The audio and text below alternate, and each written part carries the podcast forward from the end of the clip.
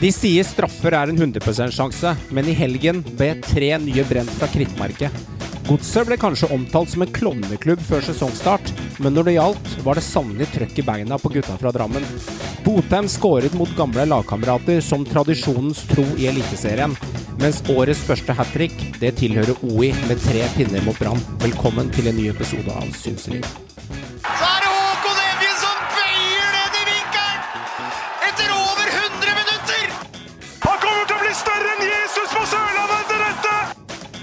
Folk pisser eller folk er likegyldige. Det er det verste som skjer med en fotballklubb. Det er faen meg undergangen, det. Og det er han som omtrent aldri skårer mål, som prikker den inn nede ved stolpen! Det, det jeg gleder meg mest til, det er alle diskusjonene som kommer, og alle som kan alt om fotball, som dukker opp igjen og, og vet fasiten.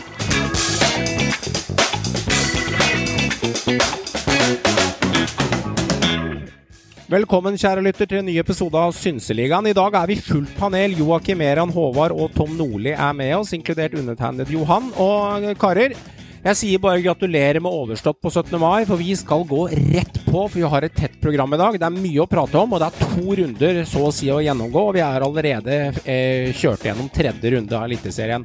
Så kjære lytter, gratulerer med overstått i går. Og Meran, nå er det bare en dag unna før Stabæk skal ut i sin første kamp for året, så starte litt der og prate litt smått om den. Du gleder deg vel? Jeg gleder meg så ekstremt. Jeg har allerede tatt fri de to siste timene fra jobb i morgen. Ja. Jeg skal hjem, poppe inn 08-DVD-en, Mm. se på den, ha på meg drakta, synge sanger. Er så klar for kampstart klokka åtte. Nei, Håvard, jeg kommer ikke på fotballtrening i morgen. Det er bra. Eh, Håvard, vi ser nå at Molde viser muskler, og OI allerede har netta fem skåringer. Den første eliteserierunden Sagmoen, så så vi ut som OI var litt sånn vaksinert og sleit litt med skaden fra i vinter. Men vips, en ordentlig målskårer slår alltid tilbake. Ja, godeste OI har virkelig svart på tiltale etter den litt uh, småflaue første kampen der med brent straffespark og, og bom på åpent mål. Så har han slått knallhardt tilbake og står nå med fem mål på de siste to kampene. Det er jo meget sterkt levert fra OI, og så var det stakkars Brann som fikk unngjelde nå. Så eh, det er nok mer i vente fra den kanten, tenker jeg. OI ser sharp ut, han nå. Tom Nordli, velkommen skal du være. Takk for det. Eh, De snakker stadig vekk i media og aviser og på folkemunnen og i podcaster og i forum rundt omkring om at Eikrem har så enorm betydning for dette Molde-laget. Men det er vanskelig å eh, la dem ikke få rett heller, da, når vi så hvordan han dikterte hele den kampen der. Ja, samtidig så er ikke jeg med på verken høga berg eller djupa daler. Jeg syns eh, enkeltprestasjoner hypes veldig mye. og Jeg blir jo litt sånn svett når man prater om medaljekamp og opp- og nedrykk osv.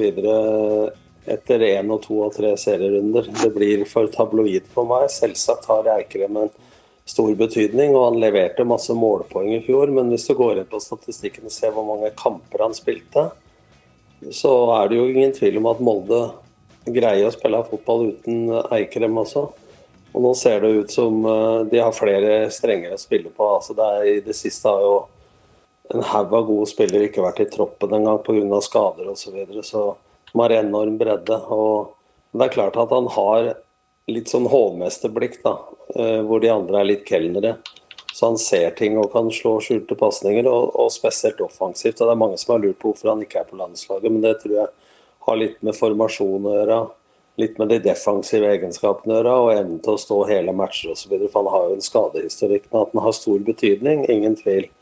Eh, Men Molde greier seg, og det er en bevist også i år, eh, i to kamper uten å starte med, med Eikrem. De leda 3-1 oppe i, i Tromsø også, eh, og ble 3-3. Men det var vel 3-1 før Nå kan det hende jeg tar litt feil, men det var vel 3-1 før Eikrem kom på banen da, var det ikke det? Så- Det stemmer, det. så da tapte han 2-0 i den perioden der, for å si det sånn. da. For å bare balansere det litt, så syns jeg det blir vel mye hype. Men for all del, stor betydning og god spiller. Mm, uten tvil. Eh, Jeg syns dette Molde-laget Kollektive, kollektivet Molde er for meg det, og bredden i stallen er det som er styrken. ja. Det, det jeg syns litt med, med Molde-laget nå, da, det, det, er jo rett og slett det du er inne på, Tom. Vi har sett nå i, i to kamper at de klarer seg faktisk fint uten Magnus. Eirik Ulland Andersen har gått inn i den rollen og, og levert varene bra. Og, og, og, det er så mange strenger å spille på. Men så klart, du, du ser jo mot Brann nå hvor viktig han er og hvor god han er på sitt beste. Han, han var jo maestro utpå der. Det var jo som å se Pirlo. Altså, Uten å sammenligne for øvrig, for øvrig men i norsk målestokk så, så, var jo Wolf Eikrem ekstremt god den kampen og bare slo nydelige baller igjennom og hadde fullstendig kontroll der. Men uh, Uh, han, han, er nok kanskje ikke så altså Molde har litt flere strenger å spille på nå, tror jeg. Uh, og det er nok litt bra for det laget. Og litt sånn sunnhetstegn også. Jeg setter litt spørsmålstegn med motspillet. For det er klart at det, det er vanskelig å stå imot kollektivet Molde. Det som overrasker meg, er hvor mye plass han får ja. i den rollen uh, hver gang han, han spiller.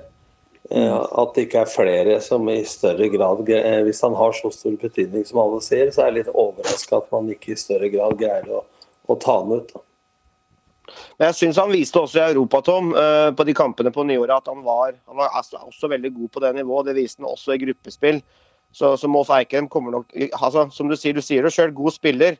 Han er ekstremt viktig for Molde, og det kommer han til å være denne sesongen her òg. Hvis, hvis, du snur på det taktisk, da, så ser du jo hvordan Tyrkia andre lag greier å ta ut Norge, om det er Ødegaard eller hvem det er, altså i en tierrolle ved å spille 4-1-4-1 f.eks. Så eh, det er ikke for å være negativ, men jeg setter litt spørsmålstegn med det motspillet taktisk i forhold til eh, når han er på banen, hvis de mener han har så stor betydning som han har, og det har han jo. Da er jeg overraska at eh, For det er klart at han har det blikket, men han er ikke spesielt temposterk osv. Så, videre, så det må jo være mulig for lag å, å ha noe mottrekk mot det, tenker jeg da. Men det er klart, ulempen er jo at eh, Molde har så mye andre gode spillere. At hvis du får mye oppmerksomhet rundt eh, Magnus, så er de så mange andre gode at mm. Nå har de til og med spillere som Bjørn Bergman og, og Martin Ellingsen for eksempel, ute av troppen. Altså, så det, det, er klart at de har en Men du får bare spilt med elleve av gangen. Og vi så jo i fjor at jeg mener at de rullerte seg litt vekk fra gullkampene en der, selv om ingen hadde tatt Bodø-Glimt i fjor. Så, så, så, går det utover samhandlinga. Så kan vi jo si at Molde er temmelig i rute etter disse første rundene. Det er vel sju poeng de står med etter en litt eh, halvkjip uavgjort borte mot Tromsø. Vi spådde jo litt at de kommer til å få det tøft, Joakim, borte mot Tromsø. For å komme til Alfheim er ingen, ingen eh, leikestue heller. Det er en tøff bortebane. Og for å snakke litt om Tromsø, da. Denne Moses har jo dukket opp litt fra sida, litt ukjent for ganske mange. Kanskje ikke for deg, Tom, som kjenner, kjenner trolig til han litt fra tidligere. Men eh, for vanlige supportere der ute, så kom han litt fra rett ut av bålet, Joakim. Ja, jeg skal i hvert fall for min del så okay, er ikke det noen spiller jeg har noe kjennskap til fra før av.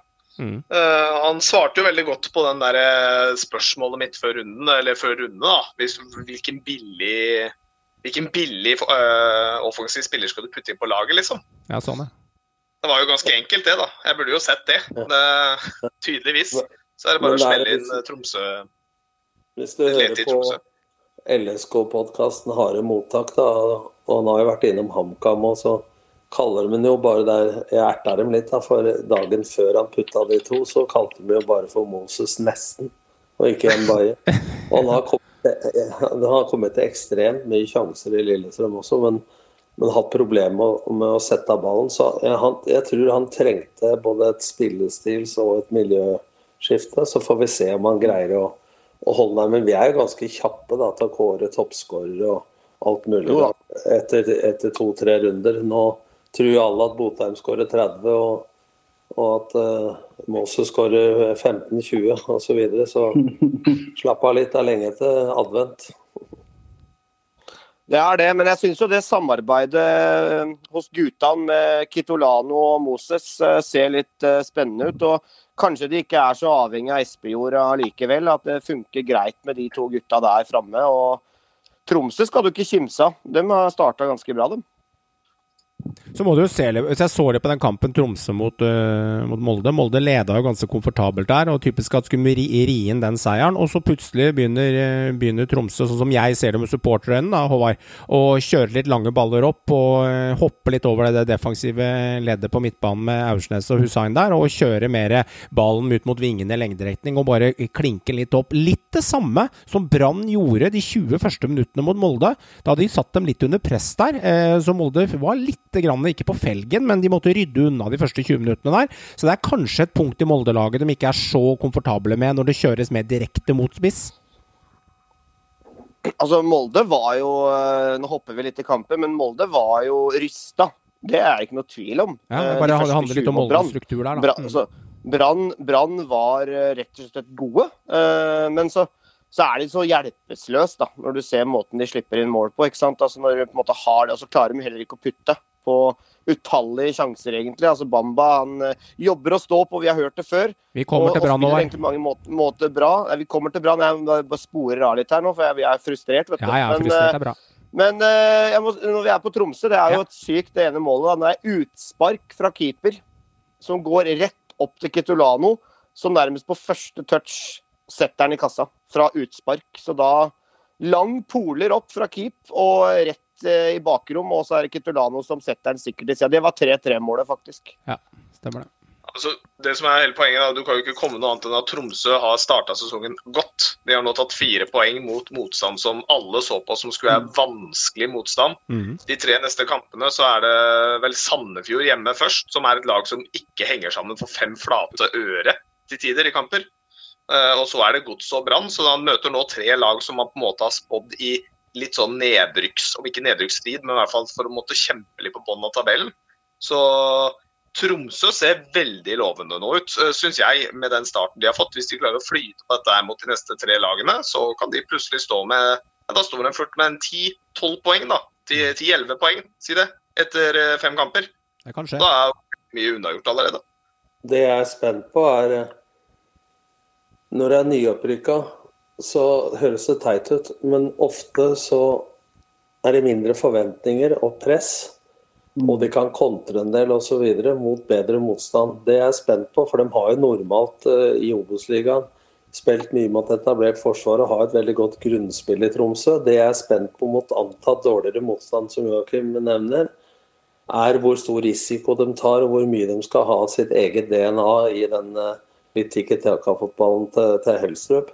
Og jeg tror at hvis de blir for overmodige da, så kan de fort stå med færre poeng mot antatt eh, dårligere motstand enn de har gjort mot god motstand. Det, det er et lite poeng som, eh, som min erfaring er at eh, på papiret så ser det ofte vanskelig ut mot sånne typer lag. og så Nå skal vi ha tre lette kamper, og så virker det litt psykisk. Pluss at det er en, et annet spill og motspill i din type kamper. Da. jeg vil gjerne se hvordan det ser ut etter de tre rundene som Joakim nevner, før, før jeg vil se noen tendens til hvordan sesongen kan bli. Mm.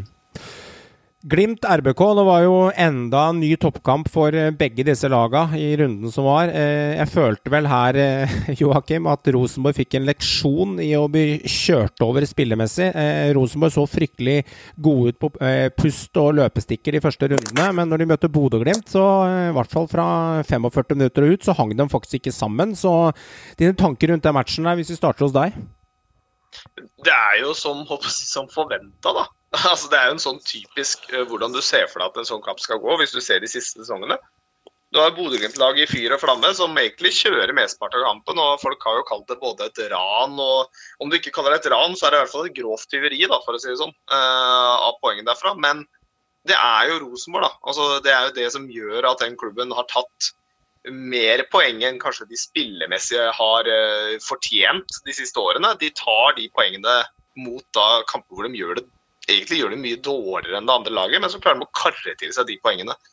Eh, så litt som forventa. Jeg hadde forventa at Bodø-Glimt vant kampen. Eh, det hadde jeg. Men eh, det er ikke noe uforventa at Rosenborg drar i land den 2-2-målet helt på slutten og får ett poeng. Det, er nesten som om ja, Har du satt penger på det i begynnelsen, så blir ikke det i tøy odds, for å si det sånn.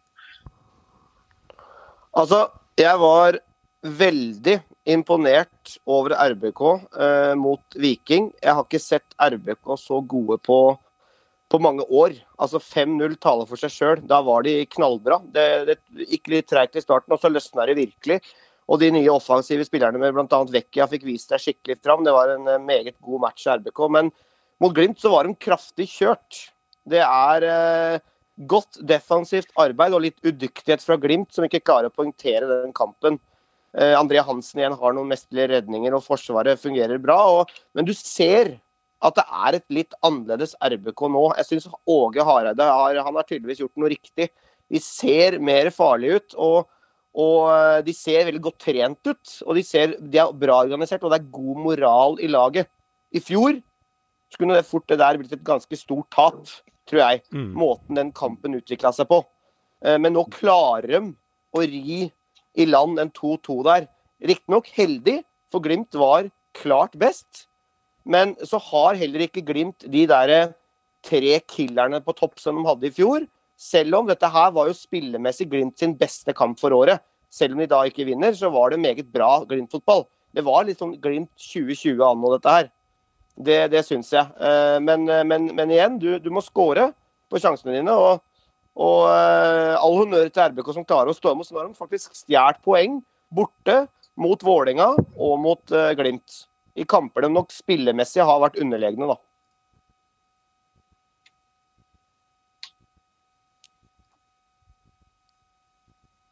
Sliter lite grann, eh, Tom. Jeg, der, ja. Tom, mikrofonen din. Takk. Ja. Der. Jeg sier at eh, jeg mener det er litt eh, mer Glimt sin udyktighet i visse faser av spillet som gjør at ikke det resultatet blir like stygt som det kunne blitt i fjor. fordi at jeg mener den taktiske inngangen etter min smak er totalt feil fra Rosenborgs side. For det, de gjør, er at de spiller mann-mann. De to sittende midtbanespillerne tar ut indreløpet til Bodø-Glimt. Tierrollen tar ut Patrick Berg. De markerer ut én midtstopper og latt Marius Høybråten gå. Han kunne gå helt opp til 16-meteren. Stemmer. Uh, feilen her i den kampen er at det overtallet de får gratis av Rosenborg bakfra, greier de ikke å utnytte lenger opp på banen.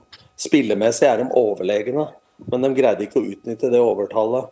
Så jeg mener det er litt udyktighet i avgjørende situasjoner. Utnytte overtallet på siste tredjedelen.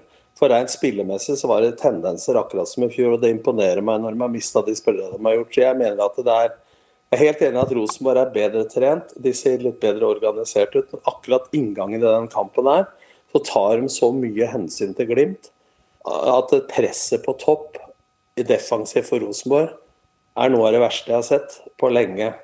Eh, i forhold til det, for de satser på mann-mann. og Når de flytter beina så mye fortere i det midtbaneleddet til, til Bodø-Glimt enn det Rosenborg gjør, at uh, de kunne utnytta det overtallet i mye så Jeg kaller det litt ineffektivt, men rent spillemessig mellom 16-mestere så er det klasseforskjell, etter min mening.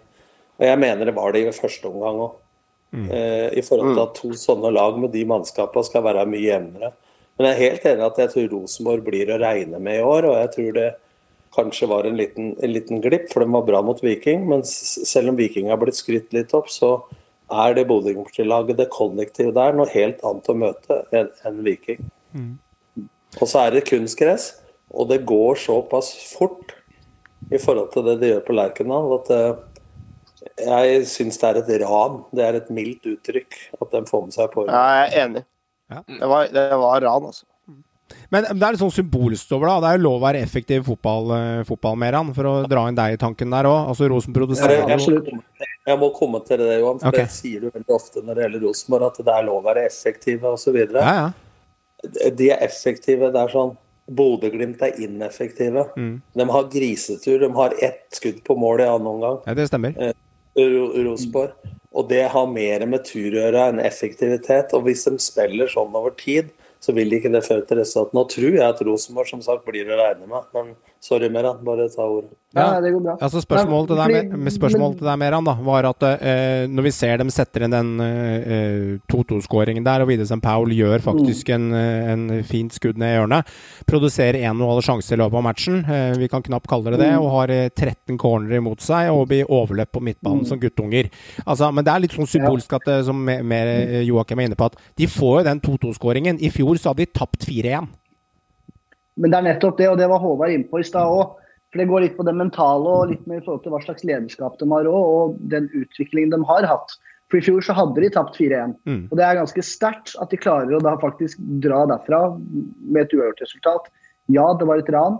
Ja, Glimt var meget uh, ineffektive. Det var dem.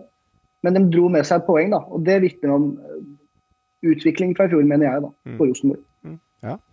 Utvikling på hva da, tenker du? Det er, det de i så fall har utvikling på, bortsett fra mot Bodø-Glimt, er at to ting. Det laget er bedre trent. De kommer til å underholde enda mindre, og det kommer til å være bedre defensivt organisert.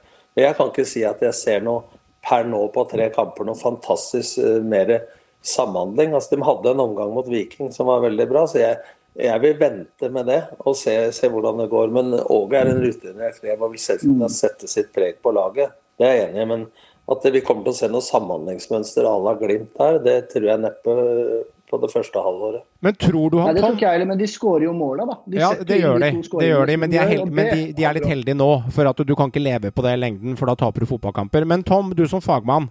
Jeg som sofasynser og supporter satt og reiv meg i håret når eh, måtte spille spiss. Siljan ble flytta opp som eh, indreløper, vant ikke en ball før 72. minutt. Og Doff gikk og tralta rundt på midten der, og Høybråten gikk eh, gjennom ledd som at du skulle tro det var eh, David mot Goliat. Når jeg som sofasynser sitter og ser det og har begrenset kunnskap, hva tenker Åge og du som fagmann når han ser at laget oppfører seg sånn? Nei, Jeg tenker først og fremst at Mollins er en klassespiller. Utenom det så har det mangel på kvalitet på spissplass. Det syns jeg er en stor mangelvare i det laget. Så ser du også Vecchia og flere uttaler det, at, og det har jeg sett nå i 15-20 år, at det er en annen type fotball i Norge, og svenske spillere er som regel godt disiplinert, god moral, godt uh, vant til god organisert fotball. Men det går to på tvers og én bakover når det går tre framover i Norge. Så det er en helt annen spillestil. Og de får temposjokk og i forhold til hvor mye ballen skifter eier, og hvor fort det går i lengderetningen i forhold. Så du ser jo det, så Han sto jo der og var utslitt omtrent på, på, mot Viking i Vecchia. Og han var tom som spiss. Så jeg syns det er eh, litt eh, svakhet i kvalitet hvis det må begynne Nå har de jo Mollins orker ikke og, og og Islamovic er skada, og da er det tynt å måtte sette Da lurer jeg på hvor mye de, selv om han skårte nå videre seg på, hvilken tillit har han da når han bruker kanten Bekkia som spiss da? Så jeg mener at eh, skal de være et gullag, så er de for svake på spissplass. Eh, Hvis ikke Mollins er skadefri og orker 90 minutter, som jeg neppe gjør hver gang, men det er en klassespiller, det er det ingen tvil om.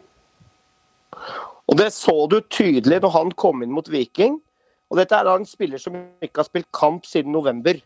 Han ble så, så mye bedre enn Dino i den rollen, faktisk. Gjorde ti, altså, Rolig med ball. Lille karen er vant dueller, spilte gjennom andre, kom seg i posisjoner.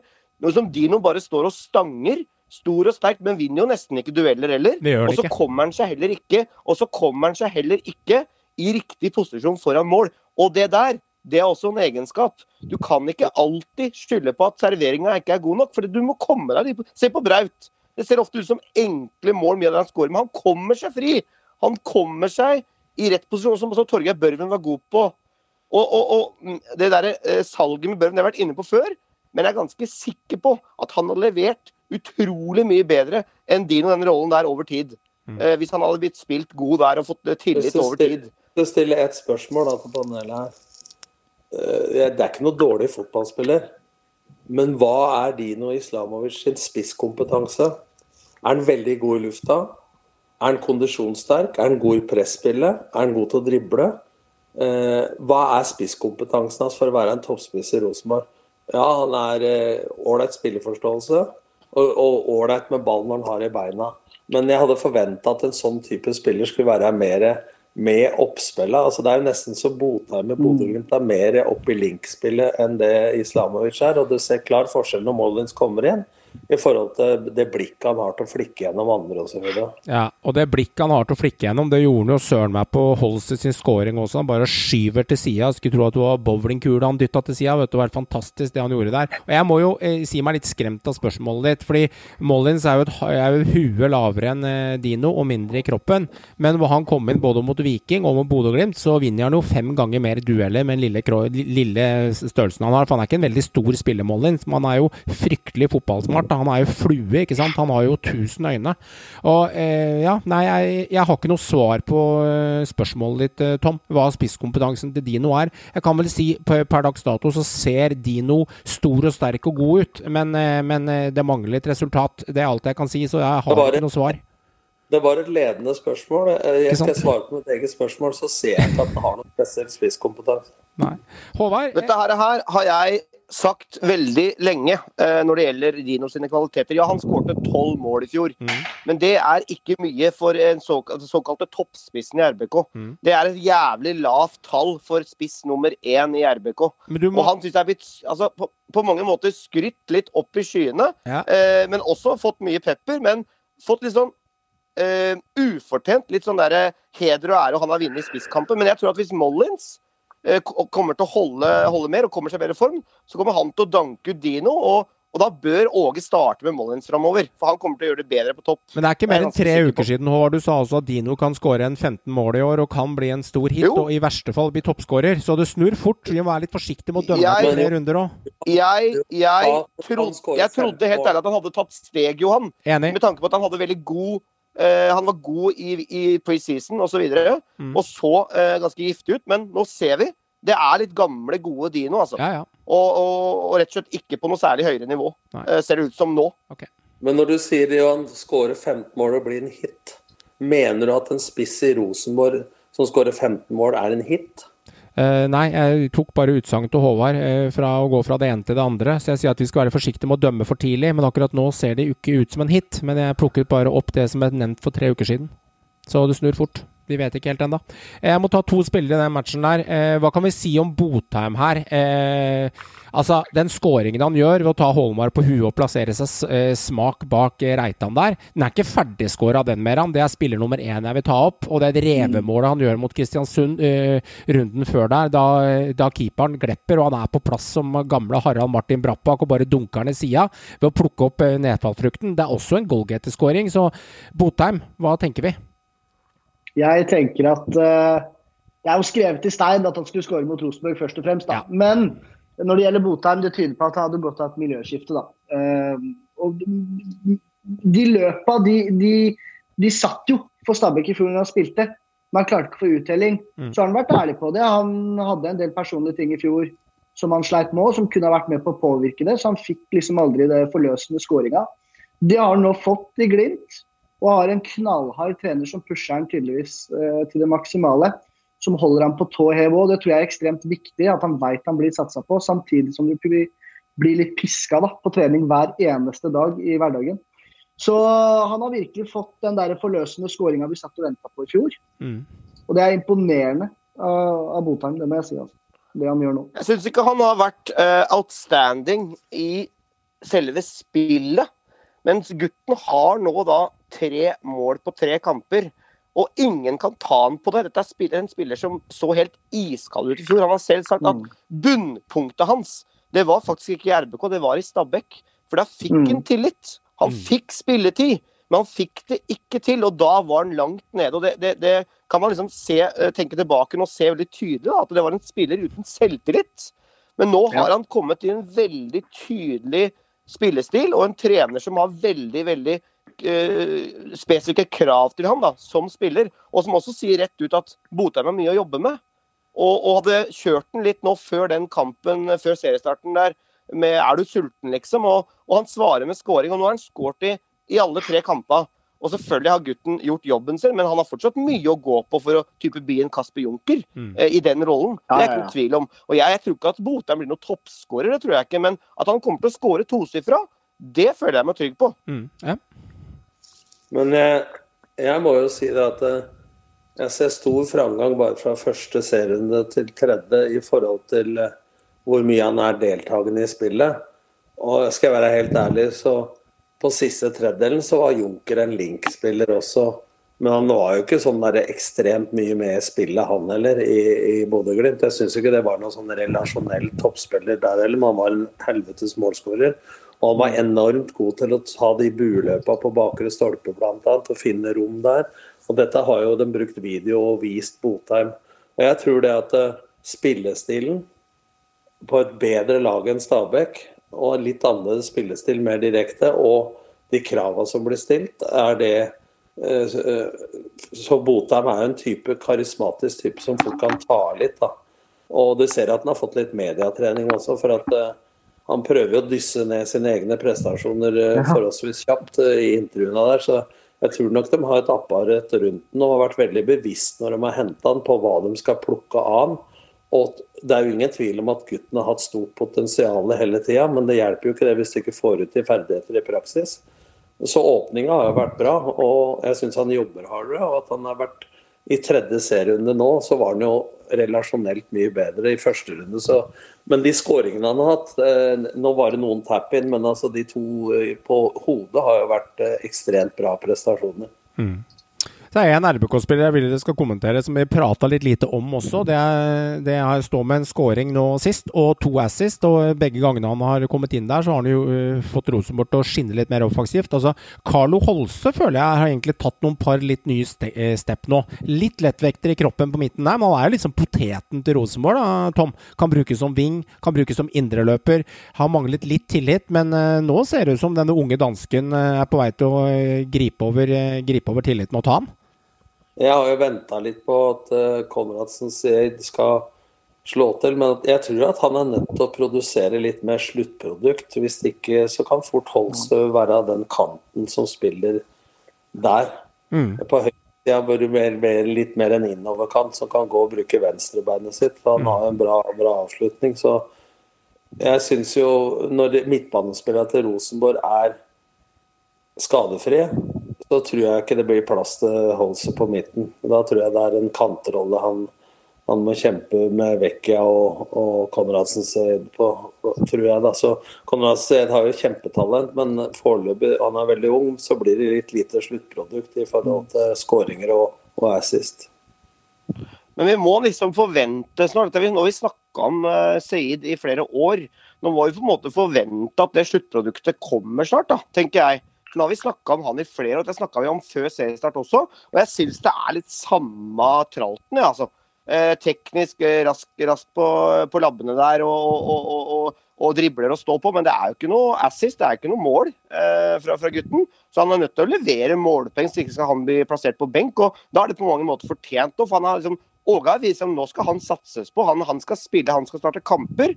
Men, men produksjonen den uteblir. Mm. Men jeg må innrømme at jeg er veldig imponert over Carlo Holse på, som indreløper. da, For det var først når egentlig han kom inn, selv om de leda også når Henriksen ble skada, mm. så er det når han kommer inn at det virkelig løsner offensivt. Og da passer han ekstremt bra inn på midten med Hoff som anker og, og Sakk og, og Holse inn som indreløper. Da funka det jævlig bra. Ja. Eh, litt mer overkjørt, eh, ikke bare litt, men veldig mer overkjørt mot Glimt. Men i det kampbildet som ble mot Viking, så passa det ekstremt bra med han inn der. Så han er en veldig anvendelig spiller, da, som både kan fungere veldig bra på, som innløper og som kant. Han har en veldig god skuddfot, som, som Tom var inne på, og, og har mye mer målpoeng i seg enn Seid. da. Det har han. Så skal vi litt over til Oslo stolthet, gutter. Og uh, Vålerenga eh, eh, altså, fikk Rosenborg besøk i første runde. 1-1, eh, en typisk klassisk resultat som bespådd av mange. Så tok de hjelpeløses hjelper Brann 0-3. Det var en pliktseier, Håvard, for å være litt stygg i munnen med litt flørten tone. Og så skulle de vise at de hadde kontroll på hjemmebane etter 1-1 mot Rosenborg, og da fikk de håpløse Kristiansund, som har blitt snakka ned. Og nei da, Kristiansund ville det annerledes, så da gikk de på sitt første hjemmetap. Så Vålerenga har en seier uavgjort uavgjort og tap i første kampene. Og eh, Joakim, du sier jo stadig vekk at når presset kommer i Oslo, da viser spøkelset seg eh, stadig vekk at de klarer ikke å håndtere det. Er dette på vei til å skje, eller legger jeg en for tidlig føring på det jorda der? Nei, jeg tror ikke det. Eh, jeg har ikke tro på at det kommer til å skje med Vålerenga i år. Eller jeg tror Nei. de kommer til å havne oppe i toppen. Jeg tippa det før, og det gjør ikke det, det, endrer jo ingenting, det at de nå kanskje taper en kamp. at de har tapt en kamp og avgitt poeng. Det er helt det er greit. Det var, ikke, det var litt overraskende. innrømme, altså Kristiansund har jo sett altså, de har jo sett vaksinert ut mot å skåre et halvt år nå, liksom. Så Det var litt overraskende at uh, de at det gikk på et smell der. Men sånne vil komme. Uh, og det er litt den derre De kommer til å få bare sånne, men de er avhengig av å ta nok poeng i de andre kampene. Det er jo det som er hele hovedpoenget der. Mm. Jeg syns egentlig Vålerenga for så vidt gode ut. De var ikke dårlige mot Kristiansund heller. Der var det mer snakk om effektivitet. altså Det var snakk om å faktisk klare å gjøre om det spillet de hadde, til å skape målsjanser og våre mål. da. Det er jo mer effektiviteten som mangler, da. Så jeg tror Dønnum oppsummerte vel ganske greit at det, liksom, det ble litt for um, Kanskje om ikke høye skuldre, litt for Bare tenkte for mye på det og klarte liksom ikke å roe seg ned og faktisk få til et godt spill. Jeg tror det er en ganske god observering. Det som overrasker meg, er de, de veit jo på forhånd hvordan Kristiansund kom til å spille og hvilken taktikk de skulle komme med. Eh, at de la seg bakpå og låste av helt. Jeg syns, jeg syns for å være helt ærlig ikke at Vålerenga løste det på en sånn veldig god måte før eh, litt ut i andre. Ja, de eh, brant straffa i første og kunne sett litt annerledes ut resultatsmessig, men, men nei, jeg følte KBK stengte ut Vålerenga i den kampen og, og tok dem på, på, den taktiske biten der. Jeg syns Vålerenga løste det på en, på en ikke så god måte. Jeg hadde forventet litt mer, for å være helt ærlig. Aina. Nå har det blitt hypa veldig nå med Rolex-gutta. Det er ikke måte på. Blitt eh, hylla og, og, og, dratt fram i media som sånne Starboys i, i, i Norge. Jeg tror det var litt bra ja, for Vålerenga å komme seg litt ned på jorda igjen. Og f.eks. sånn for Aron Dønnem også, som, som, er en fet og herlig karakter. Men han hadde jo ikke noe, noe god kamp nå mot KBK. Brenner straffe, som nevnt. Og han har også noen andre feite sjanser. Han produserer noe jævlig, Håvard. Jo, han, han, produserer noe jævlig, men du skal sette dem i kassa også. Ja. Det er ikke noe tvil om at han er en god spiller. Han er blant de bedre i ligaen offensivt. Men du er nødt til å slå sånne lag skal du bli seriemester. Mm. Du er nødt til å slå KBK på hjemmebane skal du ta gull. Eller, eller, medalje, for den saks skyld. Og Dette var et skritt tilbake for Vålerenga. Og nå er de litt ned på jorda igjen etter å ha blitt hylla nærmest i, i, i media og Fotball-Norge. Så jeg tror det var litt bra ja, at de får et litt sånn smell nå. Og, og KBK viser at du kommer langt med, med å holdt jeg på å si, blø for drakta og, og mure igjen og satse på kontringer og dødballer. og Det er jo liksom KBK er litt kjent for også. Nå er det liksom litt tilbake det gamle KBK på mange måter. Og, og KBK er et lag som Enga ofte sliter med. Eh, de sliter med å slå det laget, og det, det, viste de da igjen eh, at de ikke fikk til. Og Lajoni og Kjartansson har, har ikke starta sesongen spesielt bra. Eh, der er det mye å, å jobbe med. og Kjartansson fikk riktignok en, en kasse og Lajoni en assist, men det er fortsatt mye å hente der, skal de gutta begynne å skinne. Og, og uh, lite målpeng som de gutta har levert foreløpig.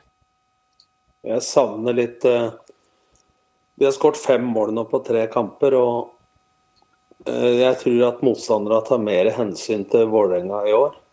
At de kommer til å spille mye mot etablert forsvar, og at den frykta angrepstrioen Pluss av de seks øverste, da, eller si fem øverste hvis du tar bort Oldrup, indreløpere av de tre framme, og ta med Bekka, så tror jeg at eh, det krever mer samhandling og mer variasjon på siste tredjedelen enn det de har mm. klart nå. Nå skaper de ifølge jeg så Nordic Bet i forhold til Drillo hadde gjort en analyse, så hittil har de skapt mest.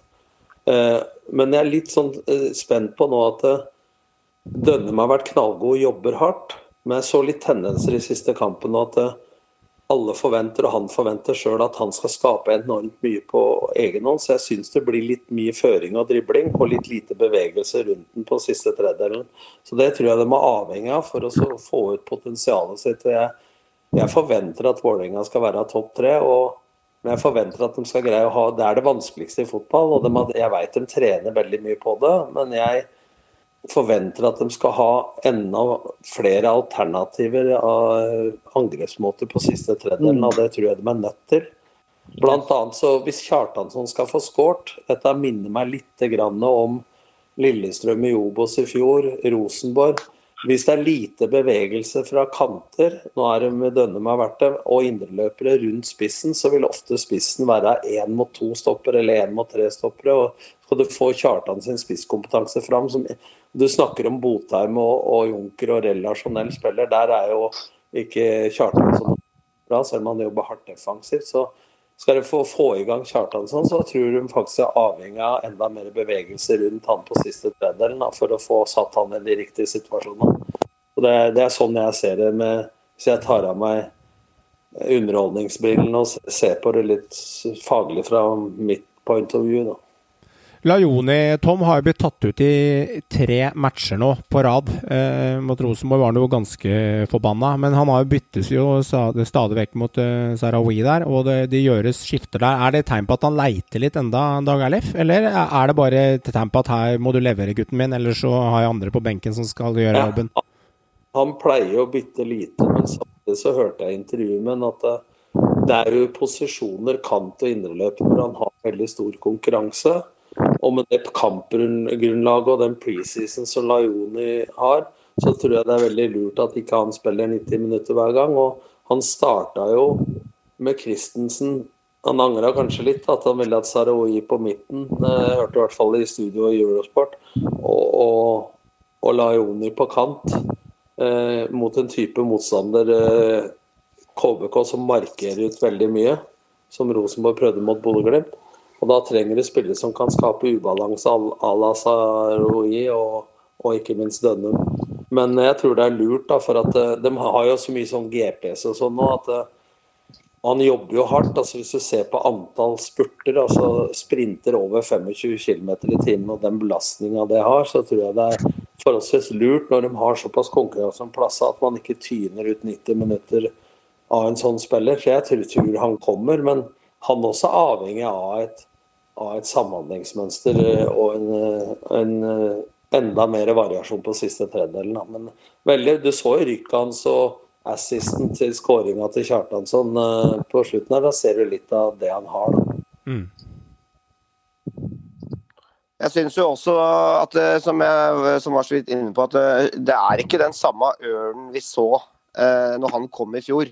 Og dette er også en spiller som faktisk også har eh, gått ut nå og han har hatt samlivsbrudd med, med sin kone. Han skal skilles. Og, og, og, det selvfølgelig påvirker også prestasjonene på banen. Det, det, tror jeg, altså Vi er jo mennesker tross alt, det er følelsesmennesker. og, og han ser ikke like giftig ut. Han har brent også en del. Fikk seg riktignok en eh, enkel tap-in nå, men det er en spiller som må opp på hesten og, og begynne å levere mål. Fordi Vålerenga er avhengig av at Kjartansson eh, må, må, være på et visst nivå. Skal de, skal de, på en måte ha nå sine mål om, om gull, eventuelt eh, medalje? da. Fordi han, han, har ikke vært top notch eh, i starten. og Jeg syns Dønnem har vært god, all over vært bra. Men eh, Kjartansson han har mye å, å hente altså, på den formen. Jeg er litt spent på de, altså Det er lenge siden jeg har vært i Vålerenga, men jeg har jo fulgt med mange år. og Nå er det ikke publikum der. Men en stor oppgave for eh, Fagermo og teamet rundt, er eh, når det blir store forventninger til en klubb som Vålerenga og, og, alle riksavisene og mediatrykket rundt, så er det også en faktor som man skal ta med her. at uh, I fjor så slo det litt underfra. De har fått sjette-sjuendeplasser en haug av år på rad. Nå er det liksom bronse, sølv eller gull som gjelder. Og det er også en faktor her de skal takle, for på papiret så jeg er litt spent på bredden i forsvar, ellers så har de en veldig, veldig god stall. og Jeg syns de gjør mye smart i forhold til blandingen det etablerte med, med, unge gutter. Så får vi se hvor langt det holder. Men eh, det stiller større krav, og jeg tror motstandere er enda mer klar over de de så må jeg uh, snakke litt om situasjonen mellom eh, Fagermo og Dønnum, og beskjedene og blir slengt til høyre og venstre. Og vi kan jo starte med supporterne først, og så kan Tom få avslutte den. For han har jo opplevd litt av dette her eh, ganske mange ganger, både i garderobe, på treningsfeltet og i match. Men kan du starte hos deg, Meran. Uh, det er et eller annet i meg som sier, sier at det vakre smilet ditt jeg liker dette her pga. trøkket, og kommenter det gjerne. Ja, men altså hadde, hadde, noen ropt etter Janne Jønsson, da, f.eks. i Stabæk, så har jeg sagt bytt han ut med en gang. Faen for et svin. Men det er noe søtt og romantisk når det er Fagermo og Dønnum. Okay. Jeg mener at de passer så godt sammen. Jeg tror faktisk de snakker sånn til hverandre på trening. Jeg tror Fagermo disker like mye ut til Aron som Aron gjør tilbake. Og Aron og Fagmo har vært ute og prata om dette i media, at dette er helt uproblematisk. Ja, men Hva skal han si, da? Hva skal han si da? Det blir jo det helvete altså, hvis han reagerer. De har jo far-sønn-forhold. Okay. Nei, nei, jeg synes det er Jeg ble jo overraska sjøl. Jeg bare sa nettopp det der til treneren sin. Ja, ja. Sa nettopp det der til sjefen sin. Men jeg, jeg veit ikke. Jeg får sånne sjarmvibber når de gjør det. Hadde det vært noen andre, så hadde jeg sagt ut! Få han ut! Men det er, jeg veit ikke. Men er ledelsesdelen. Håvard. Eh, litt sånn eh, hierarki i en fotballklubb, og hvor går linja på hva som er akseptabelt? For er det ikke litt sånn at når det går bra og du vinner 5-1, så kan man eh, akseptere dritt og faenskap og drittslenging, men taper man plutselig 1-3 Bodø eller 1-3 Bergen, eller hvor det skulle skje, så, så er plutselig ikke dette her greit lenger, eller er jeg på jordet? Nei, altså Du er nok eh, inne på noe der. Eh, Det, det skal jo ikke skje sånn her hver kamp. Du, du kan ikke ha spillere som eh, er på banen og ber treneren holde kjeft når du blir snakka til. Men, men litt av det det tror jeg ikke gjør noe. Og jeg tror nettopp det som Eran sier, at de, de har et sånn type forhold. Det er veldig følelsesmennesker. De har sånn far-sønn-forhold, nærmest. Og jeg elsker den gutten her. Og så kampen etterpå, så er det Uh, faen i helvete, hold kjeft, liksom. Så, så er det mye, mye, mye rart som kommer fra begge sider der. Og det er litt sånn eh, himmel og helvete mellom de gutta der. Men jeg tror nok at det er på en måte litt det forholdet de har. Eh, Men hvis det blir for mye, hvis, det, hvis motgangen kommer da, og enga går på en del tap, så, så kan jo det kanskje på en måte gjøre litt med selve liksom, stemninga i laget og den biten der. Så, så må nok kanskje stramme til tøylene litt hvis det der sklir ut. Men det, men det tror jeg ikke, egentlig ikke er noe stort problem. altså. Ja, Tom, eh, hva tenker vi? Vi skal avslutte enga, men eh, du kan jo kommentere det fra Joakim. faglig nivå. Joakim først. Ok, Nei, men jeg har, jeg, har ikke noe jeg har ikke noe ytterligere å komme med. Jeg er egentlig enig med Meran og Håvard sin sammenligning. sammenligning. Jeg syns de to sammen oppsummerte det veldig riktig. Mm. Eh, Så jeg har ikke noe bedre enn det å komme med. Det jeg kan si, er at hvis jeg tror at det ikke skjer med Jan Jønsson og andre, så er dere naive. Jeg har sett han der eh, fader eh, Jakob din eh, mer enn han fader Janne ta, Ja. ta en spiller og heise en halvmeter over huet oppe i Sogndal. Og da sa pressen at det endelig så tenner Janne Jønsson til. Jeg har stått mange nok ganger på benken ved siden av han at eh, han sier ikke noe annet han enn oss andre. Bare at det er fokuset rundt at han har fått en. En Gosler, farbroren fra Sverige. Hvis ikke hvis ikke tror det er temperamentet i han. Altså, jeg, har vært jo, jeg har vært med på at Anton, Antoni Annan har stikket fingeren i øyet på Steinar Pedersen og, og og klappa. Han er akkurat like bra eller ille som alle oss andre. Og så, så er det et media skal prøve å lage en sak av det med Fagermo. Dette skjer. Jeg sier det går ei grense et sted. Det gjør det. Men altså, det er 180 puls på benken. Det er 180 pluss eh, på banen. Eh, og det er engasjement. Det er ikke sånn som skjer på salgskontoret. Eh, men man skal liksom lage noe ut av det hele tida. Og det jeg tror ikke Det er litt av kutymen, da. Men eh, det har jo selvsagt med folkeskikk å gjøre. Men det er annerledes på en fotballbane Mm. enn det det er i klasserommet eller, eller hvor som helst. Det der er en melding fram og tilbake, og går over streken, så vil treneren og spilleren snakke ut om det. Så, men når det ikke er publikum nå, så hører du alt mulig. Og du skulle bare visst alt som har blitt meldt. Eh, Og nå, husk på at nå veit de at det ikke er publikum, så nå holder de med litt. nå holder det med det. Ja, herlig, Det er herlig. Det er bra. Hei sann, det er Lars Jørgen Salvesen fra Godset her. Nå er det tid for quiz, gutter. Spis ørene, gjør dere klare. Nå skal det kjempes om poeng. Da, gutter, skal det kjempes om poeng. Ny quizrunde. Og uh, Jeg må, få, jeg må få kommentere det først. Ja, det må du. eh, kommenter, at, eh, kommenter du? Når jeg, når jeg har trent Skeid i fire år, så har de hørt alt jeg har sagt, Håvard. Har du klar over det? For der er journalisten gått mellom innbytterbenka på Nordre Åsen. Ikke tenk på det, altså. Uh, ikke tenk på det, nei. det er sant det. Det Det er, er ikke så mye mediedekning på Skeid, vet du. det er herlig. det er herlig. Gutter, da er det quiz. Eh, hvem kjører vi, eh, kjører vi i gang her nå? På 1, 2, 3. Hvem starter? Ikke være med på jævla quiz lenger. Ja, greit, jeg kan starte. ja. Velger deg ut, ja. Det er greit. Ja. Nei da, jeg, jeg, jeg kan Du starte. trekk, trekker du det? Er det det du sier? Trekker seg Nei da. Nei da. Jeg hadde vil så ha- dårlige runder jeg vil siste med uke. meg på lag. Ja. Jeg kan starte, jeg. Starte ballet. Da blir det mer enn Joakim og Håvard i rekkefølge. Og så har jeg fått et par tilbakemeldinger. Jeg har fått tilbakemeldinger på at folk eh, digger quizen. Det er en veldig bra ting. Eh, og så har jeg fått én tilbakemelding på at Joakim, eh, jeg er på vei til å sovne hvis ikke du er raskere i svaret ditt, svarte Ja, en kar fra Gausdal, uten å nevne navnet på han. Men Dette han, har vi jo snakka om, Jokke. Han, for å si det enkelt, da, Hvis du bor på Gausdal, så skal du være vant til at ting tar tid, tenker jeg. da. Ja, det er sant. Det er svaret tilbake. Men uh, han forventer jo å høre på Synseligaen og få litt uh, fart i hverdagen når han hører på episoden hver onsdag. Det vet du. er fint, det er fint Joakim, at du får tilbakemelding på hva én lytter har ment. Ja, det er greit. Jeg skal ta en time. Jeg skal være, jeg skal være kjapp for eh, herr Gausdal i dag. Ja, Da har jeg tatt med en klype salt. Men ok, vi gjør vi det sånn. Men da starter vi. Mm, det er én, tre og fem poeng du kan hente på fleip eller fakta, uavhengig av hvor mange du klarer. Og Meran, er du klar? Jeg er klar. Du er klar. Da kjører vi. Gilles Ondo har spilt for to norske klubber, nemlig Sandnes Ulf og Stabæk. Det er helt riktig. Det er fakta. Ett poeng. Det er favorittspillerne, det, Meran. Ja, Ja, gode gamle, gode gamle Ondo. Skåra, det har vi nevnt før, han skåra faktisk det første målet eh, i den gangen eh, når det ble kalt Eliteserien gikk over fra Tippeligaen til Eliteserien. Så var det Gilles Ondo som satte inn det første målet i nye Eliteserien. Dro til Qatar og tjente grove penger og Kom fra Island, gjorde han ikke det? Fakta. Jo, kom fra Island. Ja, fakta. Maktar Tione spilte for Sarpsborg før han kom til Molde i 2009. Fakta. Det er korrekt. Eller, ja. ja. Det het vel, het vel Ja, det het vel Sarpsborg 08 da? Ja da. For de het noe annet først. Ja, men det vi er vel 08 i 08, da. Det er vel sånn er. Det er Mike. Mike Sema spilte i Haugesund fra 2012 til 2014. Han kommer fra den svenske klubben Kalmar. Nå spiller du om fem poeng.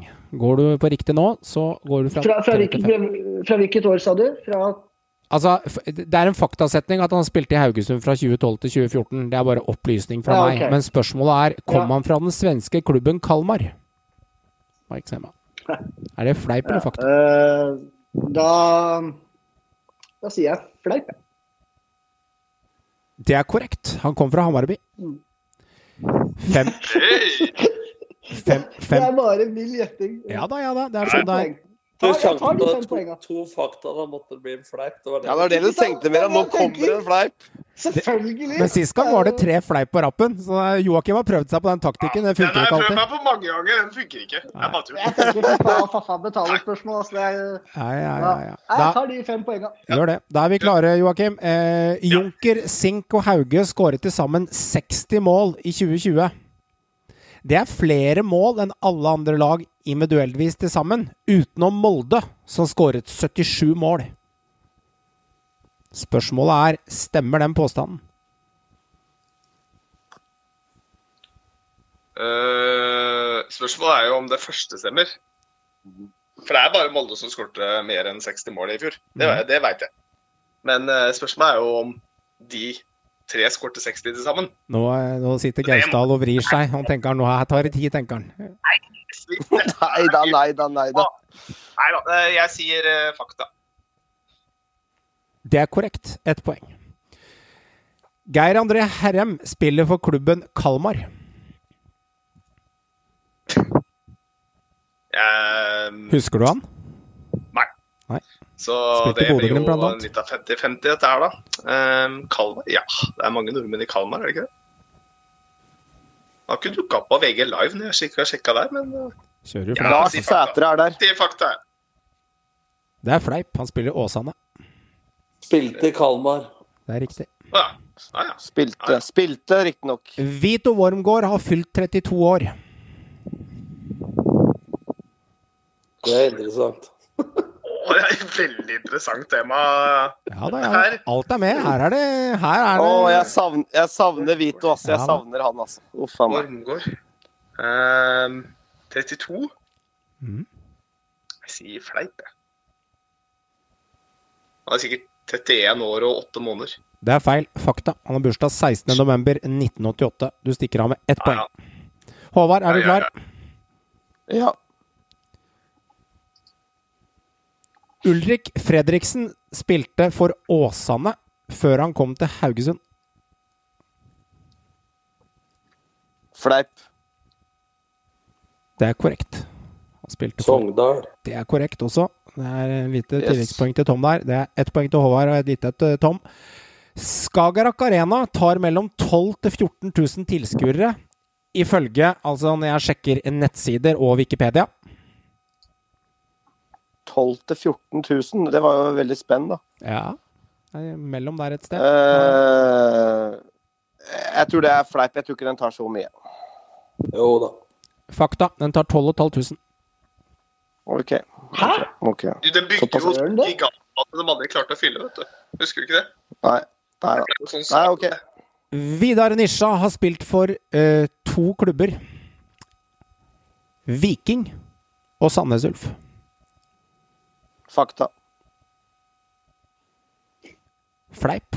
Han har spilt for Vi Viking og Bryne Bryne. Han har spilt for Sandnes Ulf òg, nå må du sjekke fakta di. Ja, men, Han jeg, la opp der. men lytt. Påstanden er at han har spilt for to klubber.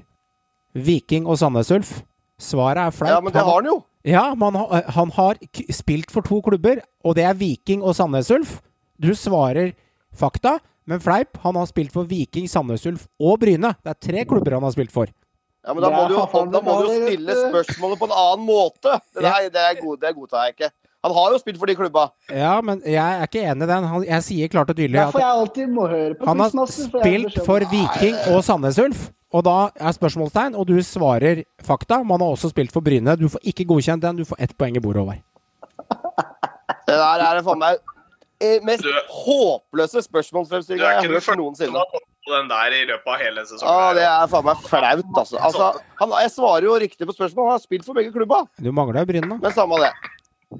Du, da må du jo stille på en annen måte, da. Det der er en håpløs spørsmålsfremstilling. Men OK, jeg får ta den. Det er, det er liksom helt håpløst. Jeg sa, jeg sa Bryne. Er du ferdig, Håvard? Ferdig å krangle? Det er helt ræv Ok. av deg som quizmaster. Jeg har skjønt Men det er så greit. jeg har skjønt det. Meran, det er din tur. Det var ett spørsmål. Jeg må komme inn her nå. Ja. Vi lurte på om man media skulle lage sånn sak av det mellom Dønnum og Fagermo. Ok. Eh, nå ringer jeg VG, så vi kan lage sak mellom deg og Håvard. Ja, det har vært Ja, faen meg, jeg håper fy faen, for-. Håpløst spørsmål. Nå må du riste deg av nederlaget. Nå er det ny runde. Det er nå poenga gjelder. Det andre var ikke store greiene. Du stikker av gårde med ett poeng. Den er endelig. Meran, er du klar? Jeg er klar. Riktig. Leder. Begynner alltid med tre. tre. Oi, oi, oi. Begynner med en treer, ja. Martin Andresen er involvert i dette selskapet på privaten. Skeidar. Tre poeng. Sammen. Heter selskapet Skeidar eller Living? Ja, det går som Skeidar. Jeg tror det faktisk heter Living. Jeg tror faktisk jeg- i Pirkepetter tror det faktisk er helt rett, men uh, Skeidar som uh, selskap eh, godkjenner han. Sammen er neste hint. Eh, to. To. Hvilken eh, fotballspiller er Ada Hegerberg gift med? Thomas Rogne. Hvis de er gift, da. De er i hvert fall sammen. Ja, Som jeg har skjønt det, så er de gift. To poeng. Så Du er god på sånn se og høre-spørsmål. Ja, der, er- der er du sterk. Ja, nei, men det er jo Thomas Rogne, gammel Stabæk-spiller, og så er jo Ada Hegerberg eh, verdens beste kvinnelige fotballspiller. Så, Og gammel Stabæk-spiller. Og også gammel Stabæk-spiller. Ok, ok. Tittel. Oi. Ja, jeg får uh, dryle på med en eh, firer her, da. Oh, her kommer fireren litt tidlig, syns jeg, men det er greit, det. Ja, det kom overraskende tidlig. Adrian Pereira har vunnet én ting i Norge, altså en tittel. Hvilken tittel og hvilket år? Cupfinalen 2019. Vi spiller om fire poeng. Det er korrekt. Da er det én og fem igjen, og neste hint er to klubber. Åh. Jeg tar alltid og sparer femmeren til slutt. Jeg føler liksom Jeg, jeg må holde meg til den. Vi sier det Hvorfor hver, det? hver, vi sier det er hver quiz. Du må svare hva du har tro på det, da. Det er så dustete. Ja. Men jeg gjør det likevel. Jeg sparer femmeren til slutt. Jeg sier det igjen, jeg. Da kjører vi eneren. Hvilken to norske klubber har Morten Thorsby spilt for? Nå kan du angre. Herregud. Du får jo bare Stabæk-spørsmål, du. I dag gjorde du det, faktisk. Du er helt pasient, du nå. Det Men vet du hva, jeg skal ærlig innrømme, nå ble jeg litt usikker på den første klubben. OK. Jeg trenger to klubber av deg. Stabæk er jo, den er jo klink. Stabæk er jo klink. OK. Stabæk er notert. Men faen, hvilken var den første klubben, da? Eh, eller, ja Den tror jeg var har, faktisk. klubben. Eh. Jeg fant to. Nei, jeg er blank, jeg. Jeg fant ikke tre. Nei, det er- nok riktig at det er to før han dro videre, men eh, norske klubb Han var i barndomsklubben sin før han kom til akademiet. Og jeg har lyst til å si en Oslo-klubb. Da får du skyte, skyte løs. Det er ikke Gausdal, Nei, det kan jeg si. Nei, nei, vet du hva, det her blir jo hofta, men jeg, men jeg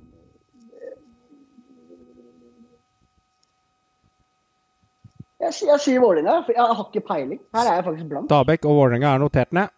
Stabæk er korrekt. Eh, Klubb nummer to, er det noen som har den? Heming.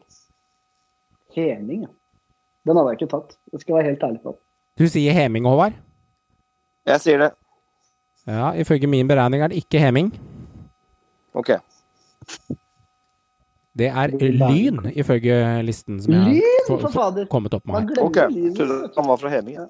Han var close, da. bra da. jeg brukte opp en, bra jeg brukte eneren her. Ja, det, Ja, det Tom mener du skulle klart den, men eh, da er det tvungen femmer. Nei, jeg burde klart den. Ja. alltid tvungen femmer. Tre klubber. Iver Austbø har spilt for tre norske klubber. Jeg ønsker navn på alle tre. Iven Austbø. Ja, Keeperen. Den aldrende keeperen i Viking, som enten er fantastisk eller hårreisende. Det veit du aldri med han. Han har spilt for Viking, Ok. og så var han i Stabæk. Mm. Stakkars der, der fikk han ikke mange mulighetene, fordi Jon Knutsen ble så ekstremt god når han kom.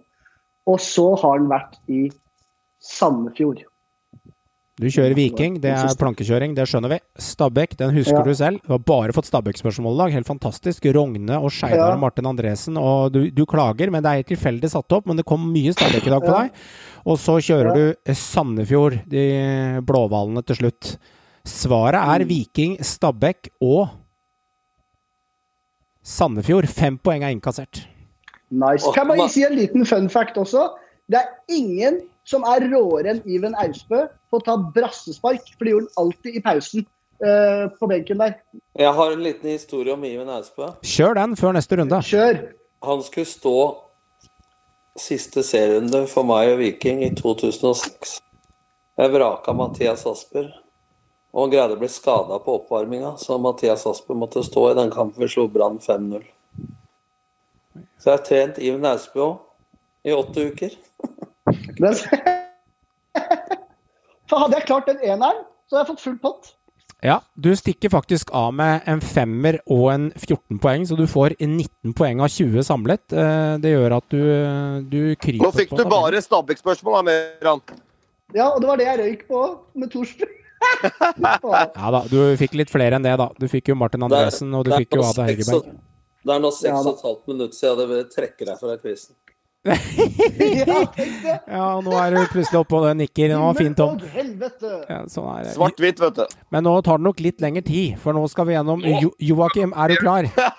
Ja, jeg skal bruke tid med vilje, jeg nå. Hele, hele Gausdal gjør seg klar. Eh, Ja. Greit. er snus på vekkerklokka. Første spørsmål hvilket fylke ligger i Gausdal? Nei, ikke spør om det. Fire, fire år i samme klubb. Jeg er så kjempeflink på sånne, så får vi si tre, da. Kjører vi en treer. Er ikke Bruno. Leite spilte i denne klubben fra 2012 til 2016. Hvilken klubb hinter jeg til? Tre poeng i bordet. Det er sånn jeg egentlig bør vite. Um, skal vi se. Bruno Leite. Klarer hun ikke, så kan Tom få lov til å svare etterpå. Hvis han klarer det. Ja. Det er sånn irriterende Spiller om tre poeng. Setter jeg på ventemusikk fra NRK med Hurtigruta rundt. Du, nå må du roe litt ned. da. Jeg har da brukt kortere tid enn mer. Han brukte bare et par av spørsmålene sine i stad. Litt. Det er ikke humor, da. Det er litt humor, dette her. Det er jo islandske Ja, er spillere er én ting, og så kommer dette i tillegg. Jeg klarer ikke å plassere Bruno Leite uh, i det hele tatt. Du vet hvor han spiller nå? Nei, jeg klarer ikke å plassere Bruno Leite. det.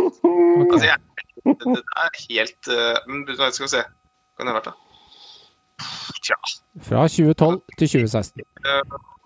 Vi kan vel kanskje si hvor han spiller nå. Skal vi hjelpe han litt med det? Ja? Det kan godt. Jeg veit hvor han spiller. Jeg har spilt òg, det som er så irriterende. Nei, uh, vent da, nå må jeg være kjapp for Gausdal her, så det ikke blir krise. Ja. Uh, skal vi se. Bruno Leite.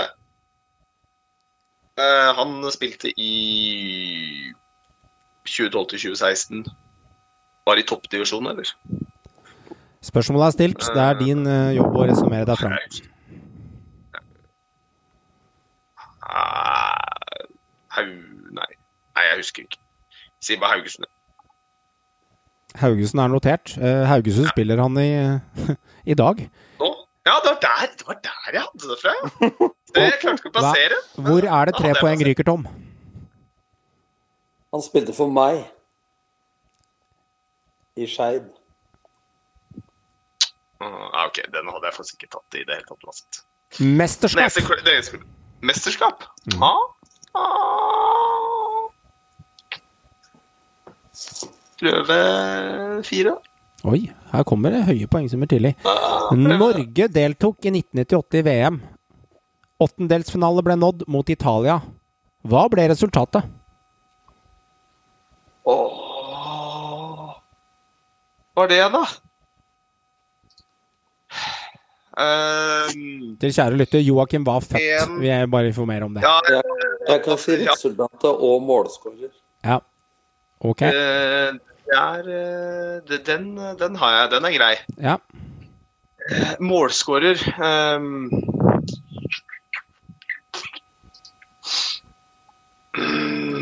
oh, den Jeg lurer på om det var to Nei. 1-0 var det. 1-0 eller 2-1. Jeg tror det var 1-0. 1-0 til hvem? Ja, altså, Italia, Italia vant. De gikk jo ikke videre. Så det er jo greit. Jeg Vil du tippe, vil du tippe målskårer? Eh, 1-0 til Italia er notert ned. Målskårer for Italia? Bare skyt, da. Jeg angrer på, jeg angrer på at jeg stilte deg spørsmålet, for jeg skjønner det tar tid. Eh, Del Piero. Del Piero. Del Piero er feil. Riktig målskårer, Tom, er Vieri. Og det ble 0 0-1, men det er det du skal svare på, så fire poeng er inkassert. Ja, ok. Brødre! Christian Vieri. Christian Vieri. Brødre Å, dette er det, det er Får jeg flo nå, så blir jeg forbanna, men eh, brødre er jeg dårlig på, så da sier vi ta en ener. jeg. Får du flo, er du forbanna. Jeg ga Meran, eh, jeg ga Meran Stabæk herfra og inn i Nyra, og jeg stiller følgende spørsmål til deg. Jostein og Tore André Flo er de mest kjente av Flo-brødrene. Men hvem er den Hvem er den tredje mest kjente broren i familien? Han var med i VM-uttaket i 1998. Navn på vedkommende.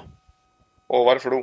Ett poeng spiller vi om. Håvard Flo, og du fikk Flo-spørsmål. Ett poeng er innkassert. Det er korrekt. Men du, vet du hva? Det er bommer quizmaster. Ok. Fordi Håvard Flo er ikke bror, han er fetter. Ja, det er sjekke kjempegodt poeng, Håvard! Det er et veldig godt Så da må du sjekke fakta. Ja, det er et veldig godt poeng. Eh, For Ja. B, b, bror til Jostein og Tor André, han heter Jarle Flo. Jarle Flo. er veldig godt poeng. Veldig godt poeng. Eh, Og øh, de har faktisk en bror til, men han husker jeg ikke hva heter. Nei, Ulrik. Ulrik. Kjell Rune, stemmer. Kjell Rune. Hvem er Ulrik? Er det en annen fetter? da? ja, det er et veldig godt poeng. Ulrik er en annen øh, Ja. Så der må du sjekke fakta. Ja, og Ja. da blir det litt som Det blir eh, null. Det er eh, greit, det. Ja, det blir litt som jeg alltid er er rettferdighetens time. Bra, Håvard, at du arresterer quizmaster. Jeg skulle vært på fetter. Jeg er liker dette veldig godt. Eh, dette, jeg liker egentlig å bli arrestert, for det er et tegn på at vi er våkne.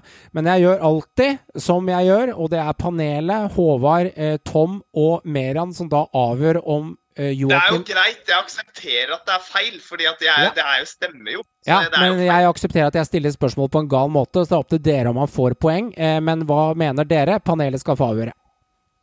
Poeng. Poeng. Meran? Gi han det poenget. Hører deg ikke, Meran. Det var fint med litt lyd. Men uh, hva mener du, Meran? Poeng, poeng. Han skal få poeng. Da er det ett poeng innkassert. Quizmaster tar den på sin nakke. Én klubb er neste hint.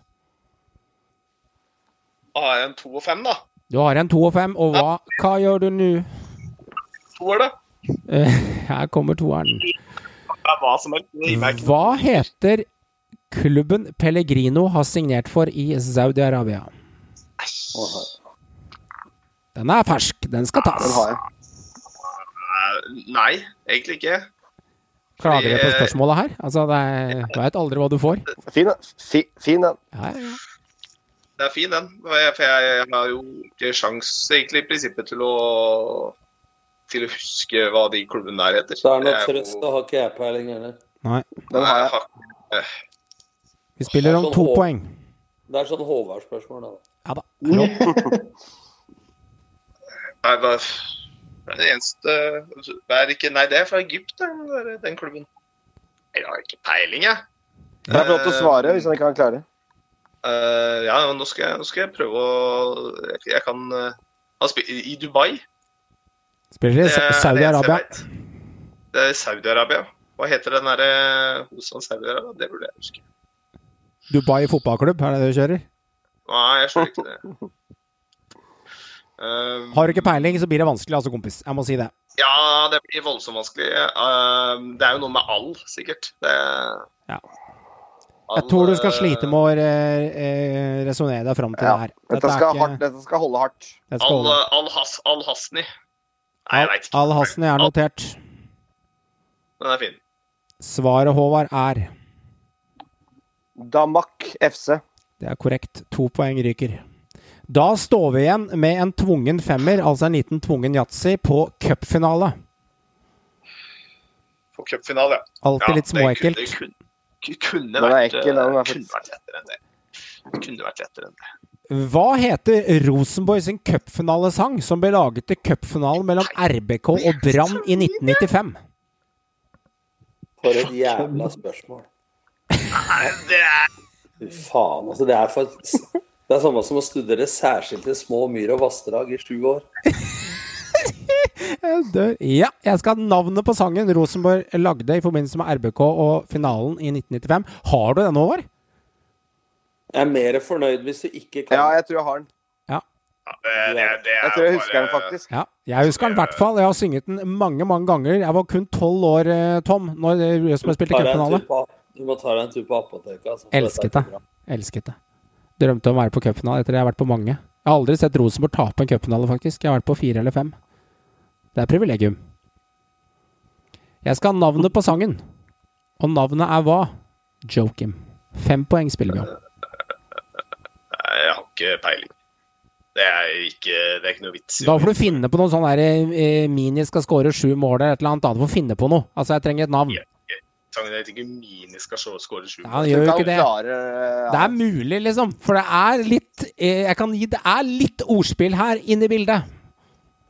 Ja, det Jeg tror jeg veit, faktisk. ordspill Det var direkte til den cupfinalen. Selvfølgelig. Man lager jo alltid en du cupfinalesang. Da Eh, da, da har det jo noe med Da er det sikkert Da er det så noe med um, eh, et, eller annet, altså et eller annet som har med Brann å gjøre, eller noe sånt. da Eller Bergen. vi spiller om fem uh, poeng. Jeg trenger et svar av deg.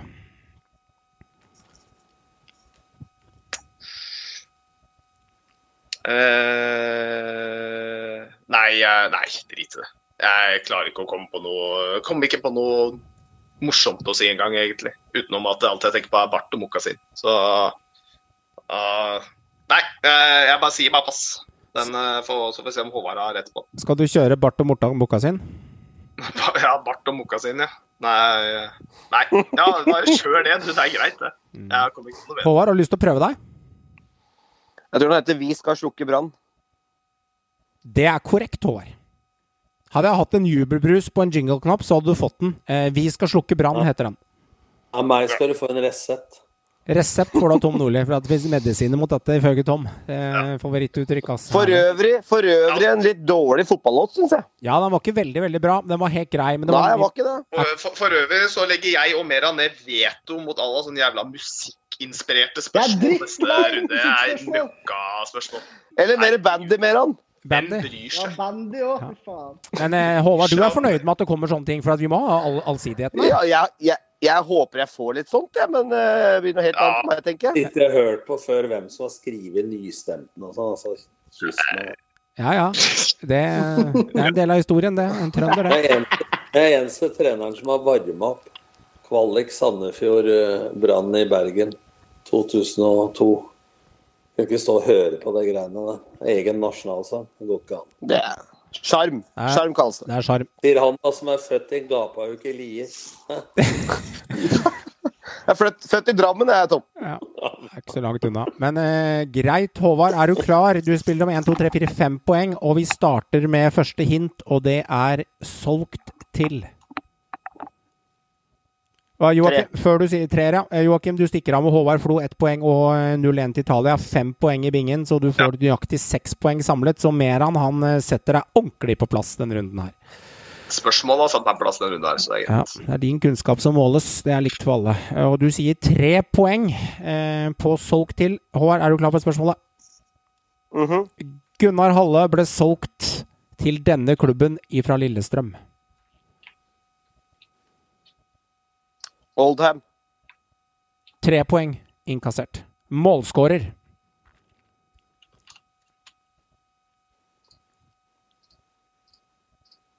Mm. Fire. Hvem ble toppskårer i vår øverste divisjon i 2016? I 2016. Ikke antall mål, det er uinteressant. Det blir for mye hint, men jeg kan nevne eh, Jeg trenger kun navnet på spiller. Christian Gytkjær. Frode Johnsen, 16 mål. Oi. Det var da Frode var 40, da. Ja, stemmer det. Land.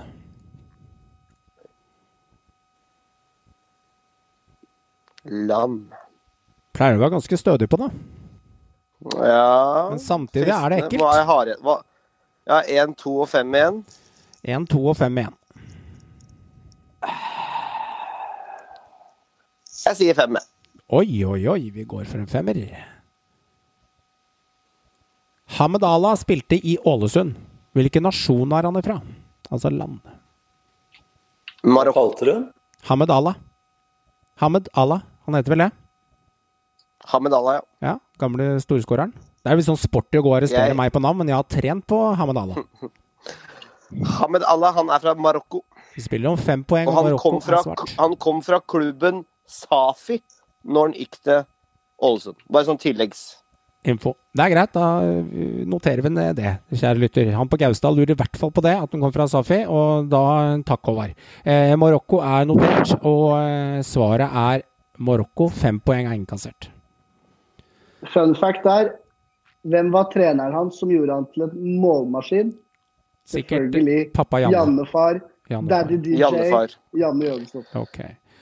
Antall... Han er forresten for øvrig god fortsatt, han Hamed Allah, altså. Ja, da er vi ferdig med Hamed Allah, og vi noterer Ja. antall i neste hint. Og du står mellom, mellom 1 og 3 igjen. Hva melder du? Ja, jeg står mellom 1 og 2.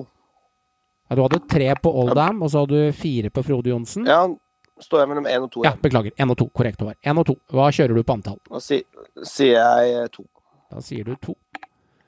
Hvor mange forskjellige klubber har eh, Mambiram Dioff spilt for, inkludert nåværende klubb? Hvor mange klubber? Ja, jeg, og det er liksom på profesjonelt nivå, at med en kontrakt i bunnen her, da. Jeg godkjenner bom med én. Vi spiller om to. Altså, hvem, hvem han kom fra til Molde, den er jo helt insane. Men uh, i hvert fall Molde. Skal antall klubber. Altså Manchester, Manchester United. Han har spilt for uh, Stoke. Han har spilt for uh, en tysk klubb. Jeg husker ikke helt. Molde, Stoke Jeg sier eh, fem, jeg. Svaret er sju. Har han ikke spilt for Blackburn òg? Han har spilt for eh, Diraf før Molde. Han har spilt for Molde, ManU, Blackburn, Hamover, Stoke og Hattispor. Hattoyspor, eller hvordan det uttales. Sju klubber. Du svarte fem. Du bomma med én. Så eh, den er ikke godkjent på to poeng. Den er tung, da. Den er litt tung. Den er, seig. Fikk en tung en. Da kommer det en tvungen ener, og da kan vi leike oss gjennom den. Og svaret er historie. Eh, litt lekent spørsmål. Eh, denne klubben er stiftet én måned før Titanic sank. Klubben er i Eliteserien. Hvilken klubb skal jeg fram til? For noen seige spørsmål, ass. Eh, Først må, hvilket, først må du finne ut hvilket år Titanic sank. Da trenger du kanskje litt kvinnehjelp, og vi er jo fem mann her, så du får henvende deg til alle utenom eh, meg, da, ditt eget hode. Nei, Og så har du jeg- klubben. Jeg må bare gamble på klubb. Eh, jeg sier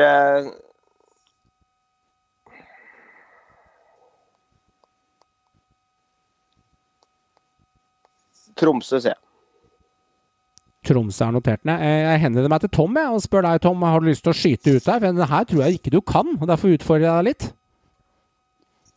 Når sank denne båten, da? Nei, det er, det er Du mener 19, 1912 har hjulpet deg med, ja. Det er faktisk korrekt, selv om jeg ikke har tenkt å gi deg den. Tromsø har Håvard svart, den er låst.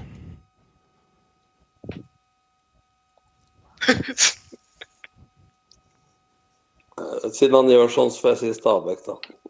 Ja, eh, mer han ga deg hintet med en liten finger og smilte, så svaret er Stabæk fra Bærum. Håvard, du stikker av gårde med Marokko på, på eh, Hamedala, og du stikker av gårde med Oldham, eh, men du får da eh, åtte poeng der, da.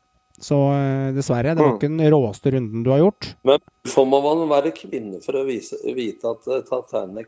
Det var en- bare en eh, morsom, morsom kommentar, for de har jo sett filmen 970 ganger, så de har litt kunnskap om dette her, antar jeg. Eh, skal vi se her. Ni poeng på Håvard. Eh, da ender du, Håvard, med pluss ni. Jeg skal ta poengstillingen. Da er vi oppe i 173 på deg, Håvard. Meran, du er på 139, så er han 30-40 poeng. Du gjorde 19 poeng i denne runden her. Du er rundevinner, som de sier i TV-programmene. Og Joakim, det ble stusslig 6, så det var ikke noe å heise skuta for det. Så ja, vel blåst. Sportsklubben Brann er en diagnose. En nevrose, en manisk depressiv liding. Sportsklubben Brann er to er for globid og tidlig til sengs. Sportsklubben Brann er et vorspiel som aldri fant festen. Så hva kan Bergen dyrke når de ikke lenger kan dyrke nederlaget? Sportsklubben Brann er et sanatorium. Skyer uten himmel. En båt uten innsjø. Sportsklubben Brann er et veikryss der du uansett havner i en blindgate. Sportsklubben Brann er et bryllup der brudgommen glemte ringene. Så hva skal bergenserne snakke om når sportsklubben bare er en sportsklubb? Sportsklubben Brann er en Geiger-teller ute av drift. En innebygd defekt. River Dean og Mountain High. Sportsklubben Brann er en baby som ikke har fått pupp på 44 år. Så hvordan skal vi holde ut med bergenserne når de endelig, endelig tar gullet hjem? Endelig tar gullet hjem. Det var Frode Grytten. Frode Grytten sitt dikt om brann. Riktignok på en annen dialekt, men den kjørte jeg ikke. Det var bra. Takk for eh, sportslig bidrag, Håvard. Og det er jo vanskelig å hoppe etter Frode Grytten her også, for han har jo en eh, ro og en tilstedeværelse i stemmen som gjør at man blir sugd inn i det. Men jeg syns du leverte til bravur. Eh, ja, hvordan kjennes dette, Håvard? Vi kan jo starte hos deg. Altså, Dere ligger jo sist, og du leser en poesi om brann som er ganske spot on også. Ja, det føles jo ganske treffende, det diktet der nå, på mange måter. Med tre strake tap, 1-10 i målforskjell. Eh, men jeg trøster meg litt med, og kanskje også som en sånn, liksom sånn fattig trøst, at vi har møtt tre såkalte topplag. Eh, vi har møtt eh, Viking borte, Enga. Eh, Enga som er haussa opp som gullkandidat. Og da nå blitt feid av banen oppe på, på Aker stadion mot Molde. Så det er, det er tre tøffe motstandere. Men spillet som har blitt levert, det har ikke vært mye å skryte av. Det har vært sånn type 20 minutter kanskje per kamp. Eh, knapt det i noen av de kampene. Så det er ikke noe tvil om at det er mye som må jobbes med. Men jeg syns allikevel at det er noe, noe der. Men uh, selvfølgelig så må poengene begynne å komme snart. Og helst før runde seks. Helst nå mot Glimt eller RBK.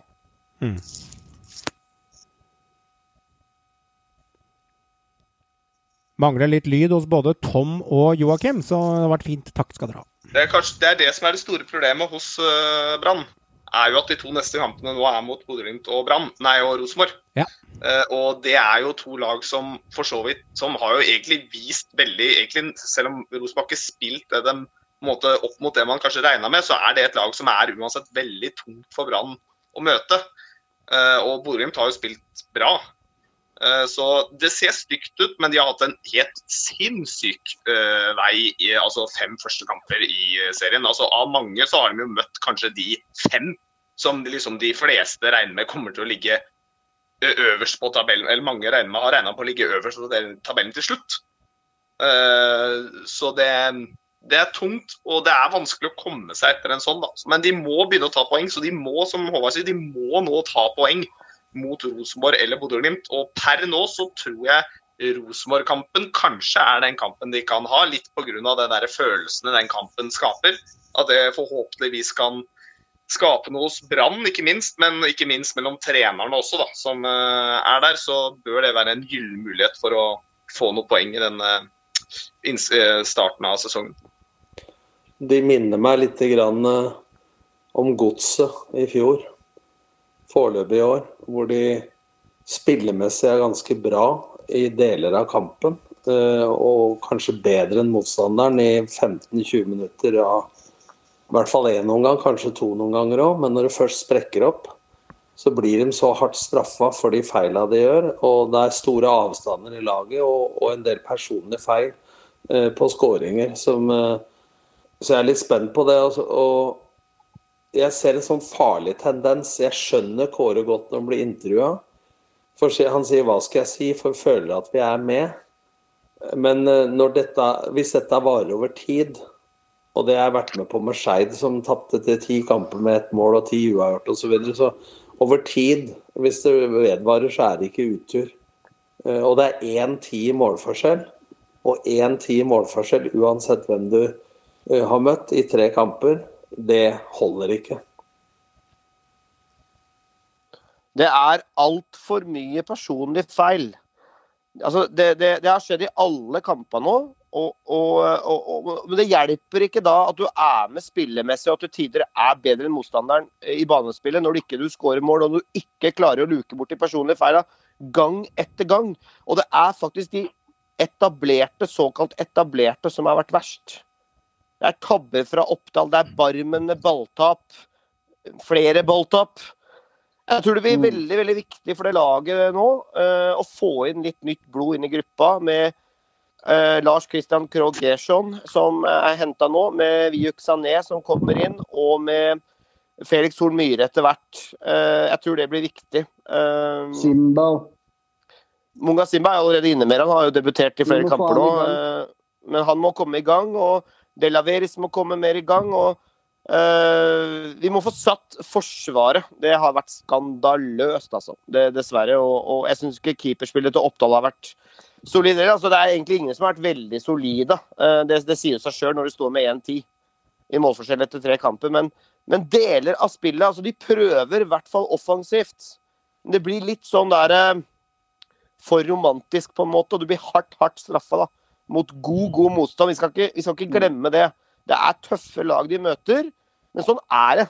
Du er nødt til å stjele poeng fra de også. Det må du faktisk, for å på en måte overleve. Da er det jo desto viktigere at du har, sånn som da de rutinerte, ta Barmen, da, som jeg har vært veldig på. Men du kan ikke gjøre da slike juniorfeil kamp etter kamp uh, som han har gjort. Og jeg mener at Det er ekstremt viktig at de får på plass midtbanekonstellasjonen sin nå, og, og får inn de gutta som Håvard er inne på. Og det er litt komisk, fordi i Snapchat-gruppa vår, hver gang Håvard skriver 'nå spiller vi ganske bra', så venter jeg tre minutter, og så sjekker jeg resultatet. Og så kommer det mål. På trynet hver gang. Ja. Så det, det er personlig feil gang etter gang. Jeg, jeg, jeg, glemmer også jeg må skyte inn, jeg glemmer også Daniel Pedersen, som tross alt er kaptein, og som er en viktig brikke. Han er, ble også skada rett før seriestart. og Det var et, eh, det er bl.a. pga. at eh, altså, da Barmen også spiller. da fordi han har gått inn i den rollen, og den har han ikke løst særlig bra. altså. Og Barmen, Barmen, da, for å ta det, så er jo han en viktig spiller, men at han er jo ikke den spilfyreren. Han er en vannbærer, en innsatsfull spiller, og jeg er spent på Jeg har jo trent Daniel Pedersen, han er viktig. Jeg har trent faktisk Krogh Gerson i, i Kongsvinger, det er så lenge tilbake som 2012. Men han var jo sentral midtbane, indreløper. Eh, Blei en del back i Sverige, og det er vel først på landslaget til Luxembourg han, han uh, har spilt litt stopper. Ålreit uh, i lufta, god teknikk og forståelse, men ikke spesielt hurtig. Så jeg er spent på hvem man skal spille sammen med. Altså, det må i så fall være, Hvis de skal komplementere hverandre, så må det være Sané, da, som er forholdsvis rask. Så men det er ikke så mange tilgjengeligere, så jeg, jeg er spent på, på, hvordan det der eh, vil, vil slå ut. Men, de, men, litt sånn tanke, Tom. De kommer ikke til å få uh, fred og ro her nå i Bergen. Altså Nå skal de møte Rosenborg. og så Hvis vi bare uh, slår litt opp i terningen her, da, så ser vi jo at uh, den, det kommer RBK til å ta. Og så får de besøk av Bodø-Glimt. De får det røft i Bergen med dem. Da har det gått fem kamper og står med, stå med smultring. Og da har allerede Tromsø kara til seg poeng. Kanskje Sandefjord har gjort det. Eh, kanskje Godset fortsetter som de gjør. Eh, Mjøndalen er på en god flyt med 0-3 der. De har kanskje kara til seg seier i mellomtida. Og Brann ligger nede i sumpa. Det har gått fem runder. Og det vil si at kamp 6, 7, 8, 9 og 10, for å leke med den, Tom, er de nødt til å få en to-tre seire for i hele tatt henge med. Så, så Brann kan ikke være ute av sumpa før det har gått en ti runder, de. Og da begynner det å trøkkes bra i Bergen. Men jeg tror det er bra det ikke er så mange kanskje ja. i realitet som du la inn der nå. For at, eh, det var mange hypoteser og forutsetninger. Men jeg skjønner hva du, hvor du vil. Mm. Men jeg har jo sagt det før at uh, uansett hvor mye de satser nå på unge spillere, og på at de skal produsere mer lokalt osv., så, videre, så er det allerede murring. Og en by som Bergen, så blir det litt sånn rundt Vålerenga at det varer til du har tapt fire, fem, seks fotballkamper, så er det en entusiasme. Og da er det jo opp til ledelsen i Brann å holde ro rundt uh, prosjektet Horneland og, og Kåre. Og nå uten sportslig leder osv., så, videre, så er jeg litt spent på, på de greiene der, hvor lenge de, de holder ro. Og akkurat nå tror jeg de skal være glad at ikke det er fullt på tribunen, og det trøkket som er, er eh, i Bergen da. Så, så, jeg er spent. og det må få orden på, på det, det, skuffer meg litt, faktisk, at eh, med de to trenerne at ikke laget ser bedre organisert ut. Altså, de, jeg ser hva de prøver på, og de har spillemessig, som vi sier, eh, i 20 minutter i hver omgang bra. Men så er det så innmari sprekk i det. Og når vi sier, Noen kan si at det er bare personlig feil. Ja, men altså, det er faktisk en stor del av fotball, det også.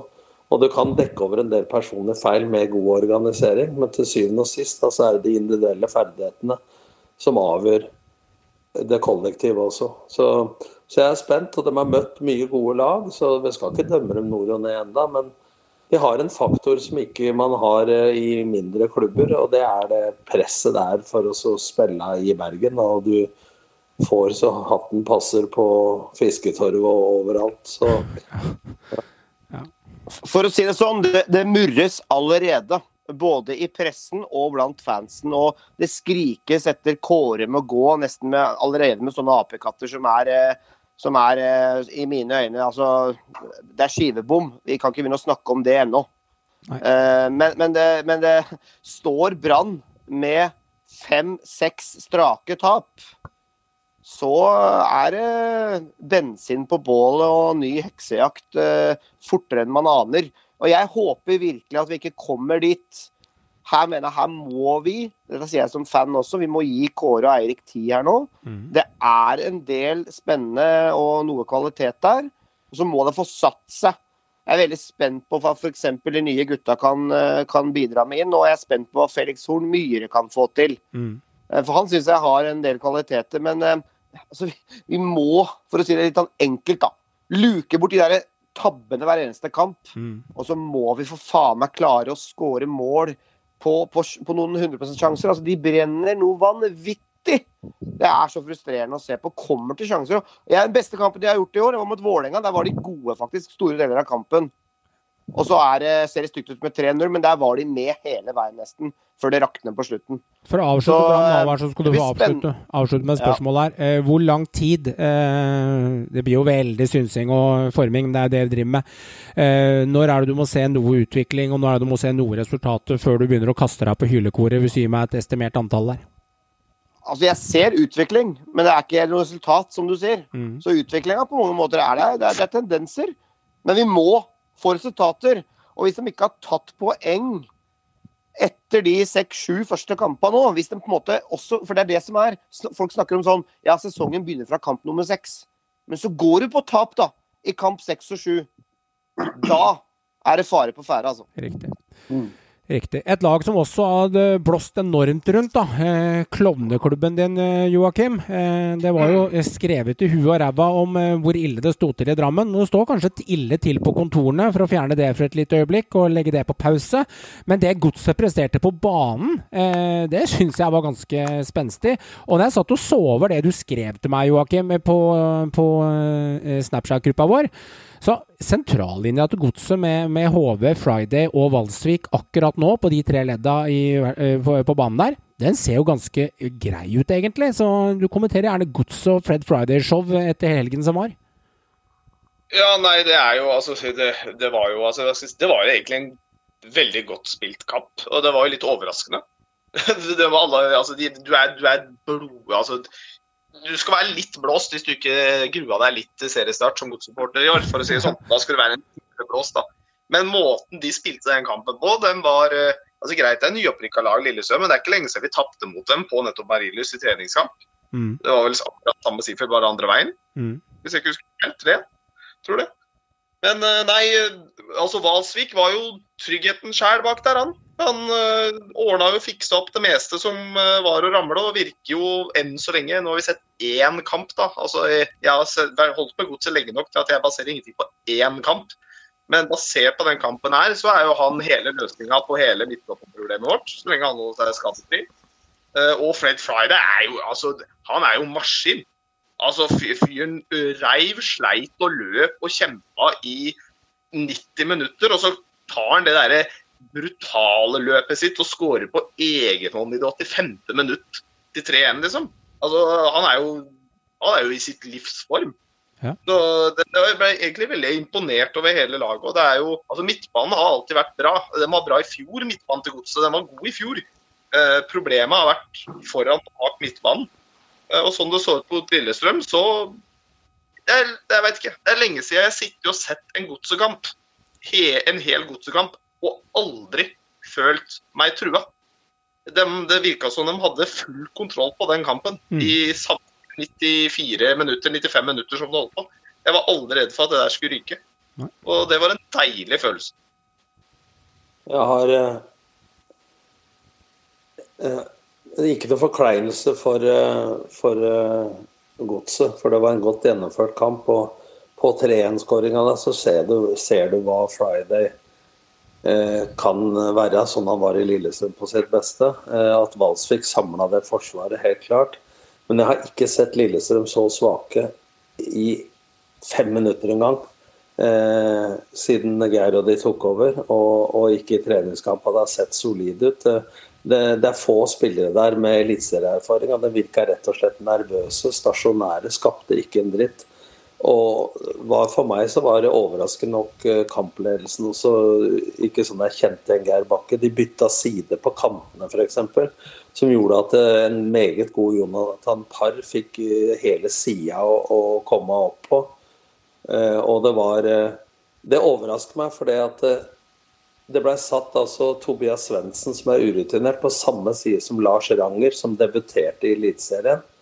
Istedenfor å ha en rutinert en foran Lars Ranger. og Det gjorde at Lars Ranger bl.a. på straffesituasjonen der lå altfor breit og for høyt, og han gikk opp i Mava.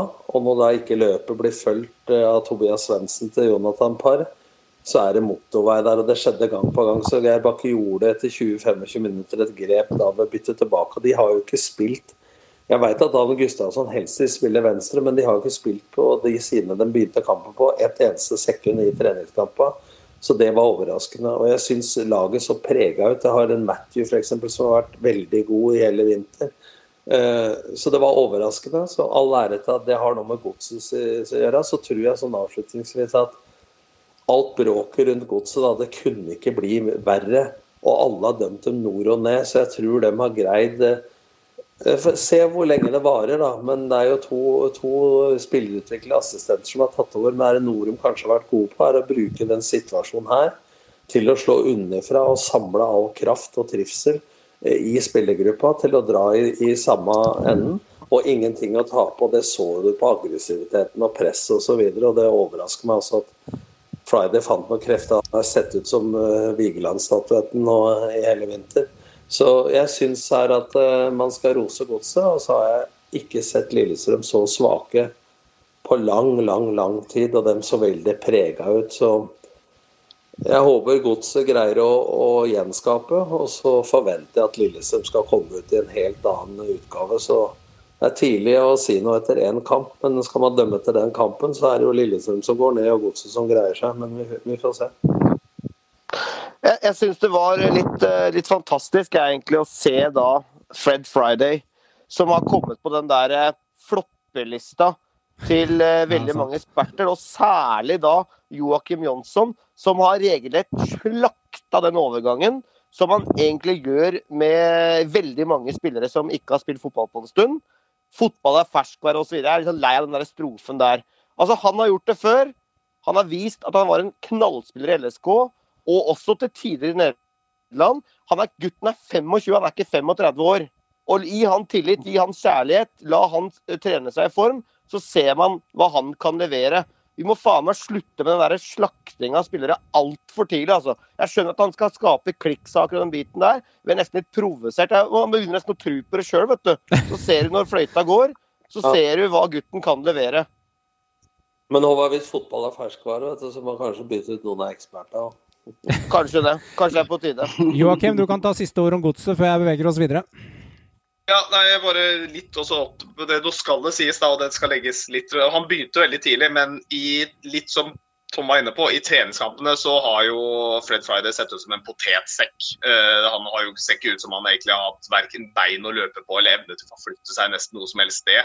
Uh, og det var jo det mest uh, jeg håper å si, det jeg også satte mest pris på med den kampen. her, Å se at uh, når det virkelig gjelder, ja, da, da, kan han fyren der løpe i 90 minutter. Det går fint, han takler det.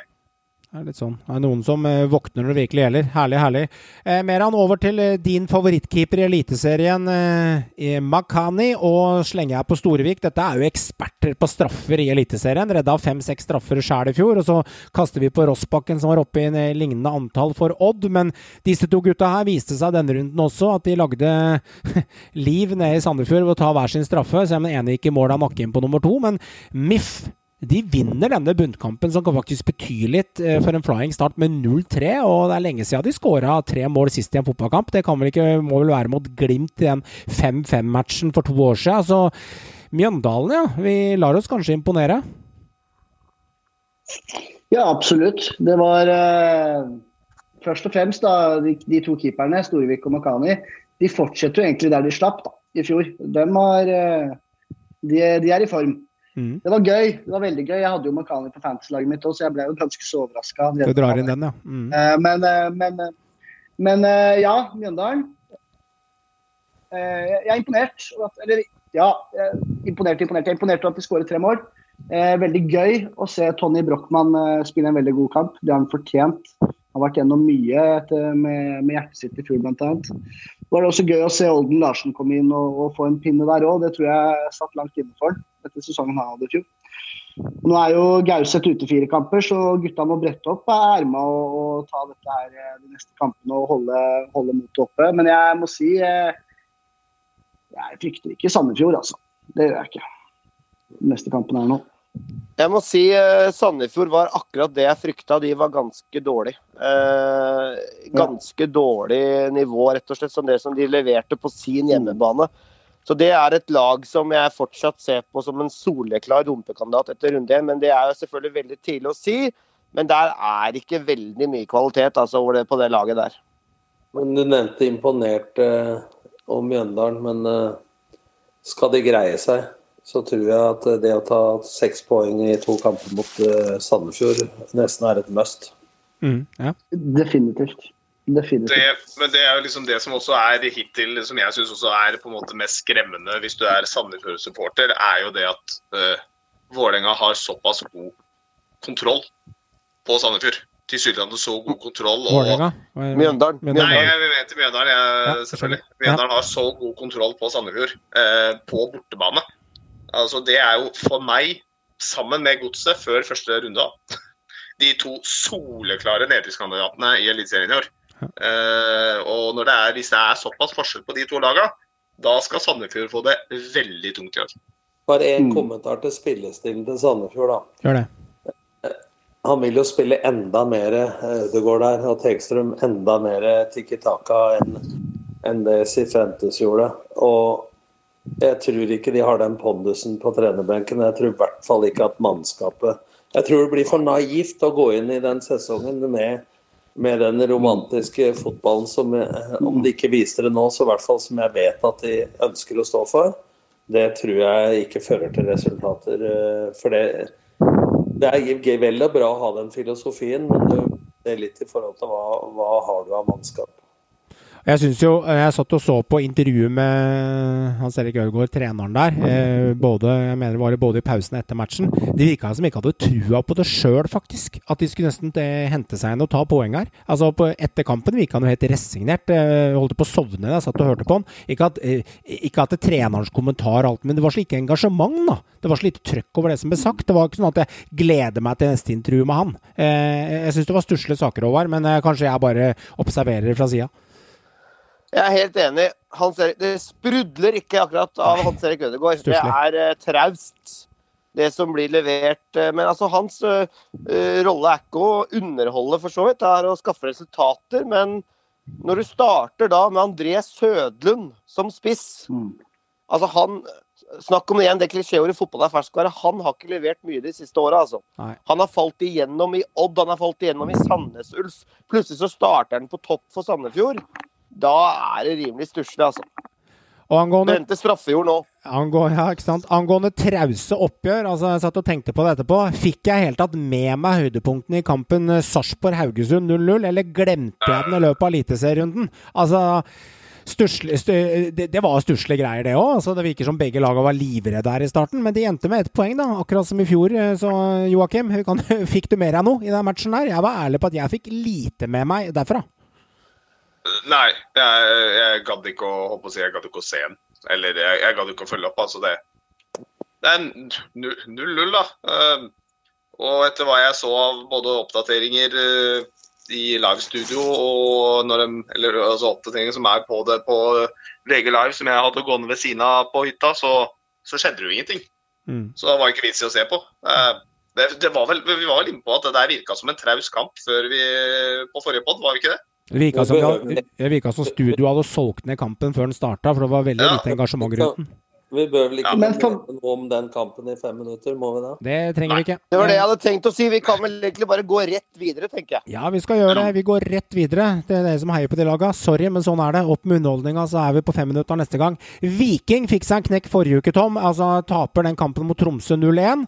Og så ender det med at eh, de fikk på pukkelen mot Rosenborg med 5-0 i Trondheim. Altså jeg tenker litt Viking. Det er vikingfeber, eh, i hvert fall i Stavanger, etter at Tripic signerte med blomster og kake og alt som er. Men eh, resultatene forrige uke, det var ikke noe å snakke om. Jeg et av de lagene som jeg forventer skal være en outsider utafor de topp fire. Det jeg er litt skeptisk til, er at eh, de legger om til en litt mer possession-orientert stil. Mm. Det jeg tror det kommer til å ta litt lengre tid før det slår gjennom. Og de er mindre direkte. Og jeg tror de skal være litt forsiktige med å bli for omstendelig eh, rundt det der. For Selv om de også på papiret kan ha Nå så jeg spilt spilte venstreback. Men de, de har jo Torsteinsbø, Tripic, du har Berisha osv. Og de har veldig mange spillere som kan bekle de seks øverste plasser. Nå spilte jo Fridjonsson dypt, det var overraskende. Løkberg var vraka. Så. Men jeg syns ikke det har vært noe, noe bra åpning av Viking i forhold til forventningene jeg har til det laget. Da. Og, og de får jo tid på seg, men det er et kresent publikum i Stavanger også. Jeg syns ikke åpninga har stått til forventningene jeg har, i hvert fall. Mm. Viking syns jeg var gode mot Brann, men det sier kanskje litt mer om motstanderen de møtte, muligens. eh, fordi de har falt igjennom eh, mot de to andre. og virker som de har en jobb å gjøre faktisk nå. Eh, det er snudd det, det der vanvittige engasjementet og skulle liksom opp til eh, Trondheim og feie over Rosenborg, så kommer du hjem med 5-0 i sekken liksom, og virkelig planta på jorda. Så her er det bare å begynne å jobbe i Stavanger. Mm. Det er, eh, vi har to hengekamper denne uka, her, og den ene spilles i morgen onsdag. og Jeg skal la eh, en av dere få lov til å kommentere kampen og hvordan dere tror utfallet av kampen blir. Eh, og Stabæk-Odd, eh, Håvard. Eh, Stabæk debuterer i morgen. Den sender jeg til deg. Eh, hva tenker du om den kampen? Det blir premieredebut, kall det hva du vil, på Nadderud i morgen for Stabæk. Er forresten de to nye spissene klare med den, eller er det for tidlig? Nei, de er fortsatt på karantenehotell. De blir ikke klare. Jeg syns det forresten er litt to artige overganger med, med Great, Uche Great og han Koblenko der. Det er litt artige signeringer som jeg forventer litt av, faktisk. Men ja. uh, nei, jeg tror uh, Jeg tror fort det kan hende uavgjort, jeg, altså. Uavgjort i denne. Sånn type 1-1 eller noe 2-2 eller noe tror jeg fort. Jeg er ikke så, jeg er ikke så, jeg er ikke så skremt av den rekka til Stabæk, men så er de litt seige på altså rekka til Stabæk offensivt nå. Eh, det blir vel fort uh, Kinoshita, vel, da, eller Edvardsen kanskje, som spiss. Men uh, ja. jeg er litt sånn skeptisk uh, til Stabæk-laget akkurat nå. Men syns det er litt artig med to nye spisser inn. Odd veit ikke helt hva du får, men det er en del kvalitet der. Det er det absolutt. Spennende hva de gjør med Bakenga og Lauritzen der, men jeg tror fort Bakenga havner på kanten og Lauritzen som spiss. Men uh, jeg tror uavgjort. Spår en uavgjort der, ja. RBK eh, tar imot eh, skadeskutte Brannmeran eh, på torsdagen om to dager. Altså Det er en fremskutt kamp der. Hva tenker du om Rosenborgs møte med Brann? Jeg tror Rosenborg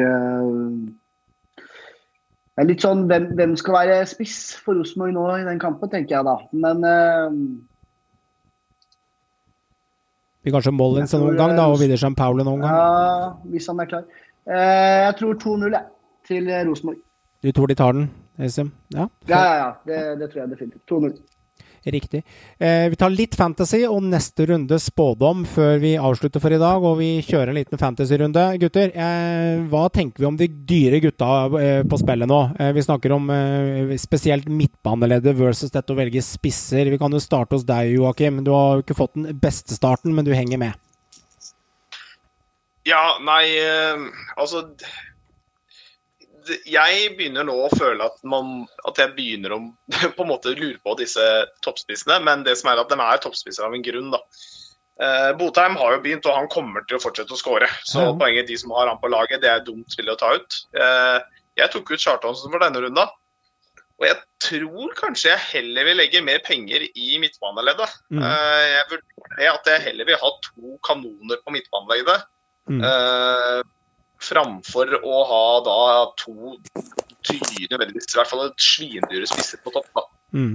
Eh, fordi ja, Foreløpig så er de for ujevne, uh, de som er der. De forsvarer ikke prisen til Nordvis, med unntak av Botheim. Og da tenker jeg da på Charlton egentlig i første omgang, eh, som de to andre. som liksom de to uh, Men jeg tror også begge de kommer til å skåre mål. så du må velge å vrake. Det er vanskelig. Du må liksom enten ta ut sikre poengplukkere på midtbanen, eller da satse på at disse toppspissene kommer til å levere like ujevnt som det kanskje virker til at de har gjort hittil. da. For det er jo jevnt, Meran. Du og Joakim er på side tre, mens jeg og Håvard er på side 1. Uh, Håvard har 159 poeng før hengekampene kommer, og jeg har 158, så vi følger hverandre som skygger. Mens du og Joakim har en 20-25 poeng lenger ned. Men Meran, treffer man på en kaptein, bom, enten på, på Dønnum eller på en spiss, så henter man jo 20-30 poeng, og der er den store frykten. Altså, hvor er bekymringen dine framover med tanke på spillets liksom, struktur og måten å sette det opp på? Jeg sliter litt med spisser, og så sliter jeg med hvem som skal være kapteinen min. Eh, midtbanen min føler jeg egentlig er bra. Nå gjorde jeg noen endringer før eh, ja, 16. mai-runden. Jeg fikk Doff inn. Mm. Eh, jeg følte at han virkelig mangla på laget mitt. Mm. nå har jeg én dyr spiss, det er Veton. Mm. Og så har jeg Ebie. Så jeg, jeg er litt sånn derre Jeg føler jeg sliter litt på spissplassen. Forsvaret er jo greit nok, føler jeg. Ikke noe problem. Keeperen min er selvskreven. Men jeg, jeg, jeg må si spisser. Eh, det er dyrt i år, altså. Jeg sliter virkelig med hvordan jeg skal få det til å gå opp. Jeg må få inn jeg må satse på at eh, en Moses, billig Moses gjør jobben. Mm. Og, og, og så må jeg treffe på kapteinen. Og det, det er tøft. Det er brutalt i år. Håvard, du er i førersetet. Eh, dine bekymringer framover, med hvem spillere du er redde for å stå utenom, som andre kanskje har. Jeg skjønner at Wolf Eikrem er en tanke, men han koster jo et huslån i bordet. Men eh, andre spillere eventuelt som du er redde for å stå utenom der, utenom Eikremen? Det som irriterte meg mest med en runde her, det var at jeg tok det wildcardet og ble frista til å ta det. Og egentlig bomma totalt, som også mange andre gjorde den runda her. Men eh, det irriterte meg at jeg brukte opp wildcardet mitt og gjorde store rokeringer. Bl.a. tok ut Botheim. Det var den største tabba. Eh, for han skulle jeg selvfølgelig beholdt, så skulle jeg fjerna vetoen. Eh, traff jo veldig bra med OI som jeg satte inn der. Ja. Som selvfølgelig skulle, det skulle løsne for han mot Brann, så det hadde jeg trua på. Eh, og så og så satsa jeg på, på double gameweek med RBK-spillere der, men foreløpig ikke noe avkastning. Men så møter jo dem da nettopp Brann på torsdag, og da kan hende det ruller inn litt poeng på Sakariassen, som jeg har- som cap der. Så det er mulig at en runde runda ikke blir så gæren eh, allikevel. Men eh, ja, jeg er ikke sånn kjempefornøyd med den eh, wildcard-bruken min, eh, men vi får se. Det er ikke så halvgæren start, da. Men, men spørsmålet mitt angående bekymring på hvem du er redde for ikke ha på laget ditt. Er det noen spillere du er sånn Shit, hvis han begynner å prikke inn eh, mål og assist og vinne kamper, så har jeg et problem. Er det noen tanker rundt det? Ja, det er jo nettopp det som jeg nevnte med Botheim, at jeg tok han ut. Mm. Det kan fort være at han eh, er på vei inn igjen. At f.eks. Veton ryker. da. Eh, Jeg kommer garantert nok til å gjøre et eh, spissbytte snart. og vurderer også kanskje en liten minus der for å rokere litt mer. Vi får se. Men uh, sitter litt stille i bolten nå etter den rundaen som kommer disse dagene her, da, for det er en litt dobbel, gameweek der. Jeg kjørte også wildcard og havna ca. likt som Håvard, pluss minus dem noen poeng eh, fra eller til. Men har noen spillere ved Rosenborg mot Brann der. Men eh, wildcard er brukt opp, og så kan man diskutere seg hvor smart det egentlig var man kommer til stykket. Men vi får se. Dagens eh, eh, siste ting vi går gjennom, som vi kommer til å fortsette med framover, det er et ønske fra noen lyttere. Mer han har fått litt innspill av det av noen folk som har tatt kontakt med han. Det er den neste rundespådommen, der man får tre poeng for korrekt resultat og ett poeng for korrekt uavgjort u hjemme eller borte. Eh, Vi kommer til å kjøre den nå, og dere har fått to kamper hver å kommentere. Eh, kampene som eh, står der. Kommenter gjerne litt raskt om lagene. Så skal jeg ha resultatet av dere til slutt. Den kommer til å dele ut sånn at eh, hvis du klarer å tippe resultat i neste ukes kamp Vi starter hos Meran i dag på Odd eh, Sarpsborg og Brann Glimt, som du har fått, Meran. Hvis du klarer å tippe neste ukes resultat, så får du tre poeng. Klarer du, eh, klarer du å tippe resultatet, så får du tre poeng. Du får ikke poeng i tillegg for å tippe H, U eller B. Enten så får du tre eller ett eller null poeng for korrekt. Meran, ordet er ditt på to kamper. Kjør i vei. Odd Sarp, Sarpsborg, kjedelig lag, spør du meg. Eh, viste dem forrige runde òg. Jeg tror Odd tar den 2-1. En fin hjemmeseier der. Mm. Jeg tror ikke de klarer å følge opp eh, på bortebane i Sarpsborg. Så kommer vi til Brann Glimt. Og da gjentar jeg slagordet mitt fra i fjor. Det er en klink B, Ja. og den ender da eh, 0-2 til Bodø-Glimt. 0-2 til Bodø-Glimt. Yes, Håvard, da kjører vi deg. Jeg har jo da Haugesund-Stabæk. Yep. Den eh, tror jeg ender med hjemmeseier. Mm. Jeg tror at Haugesund eh, drar i land en eh, litt sånn knepen 2-1 der, faktisk. Mm. Så tror jeg det på, på gresset, gresset hjemme i Haugesund. Mhm. Eh, Jeg tror det kommer til å ta litt tid for det Stabæk-laget før de kommer seg ordentlig i gang, og at Haugesund innkasserer sine første trepoenger. Mm. Og så har jeg også Kristiansund-Godset.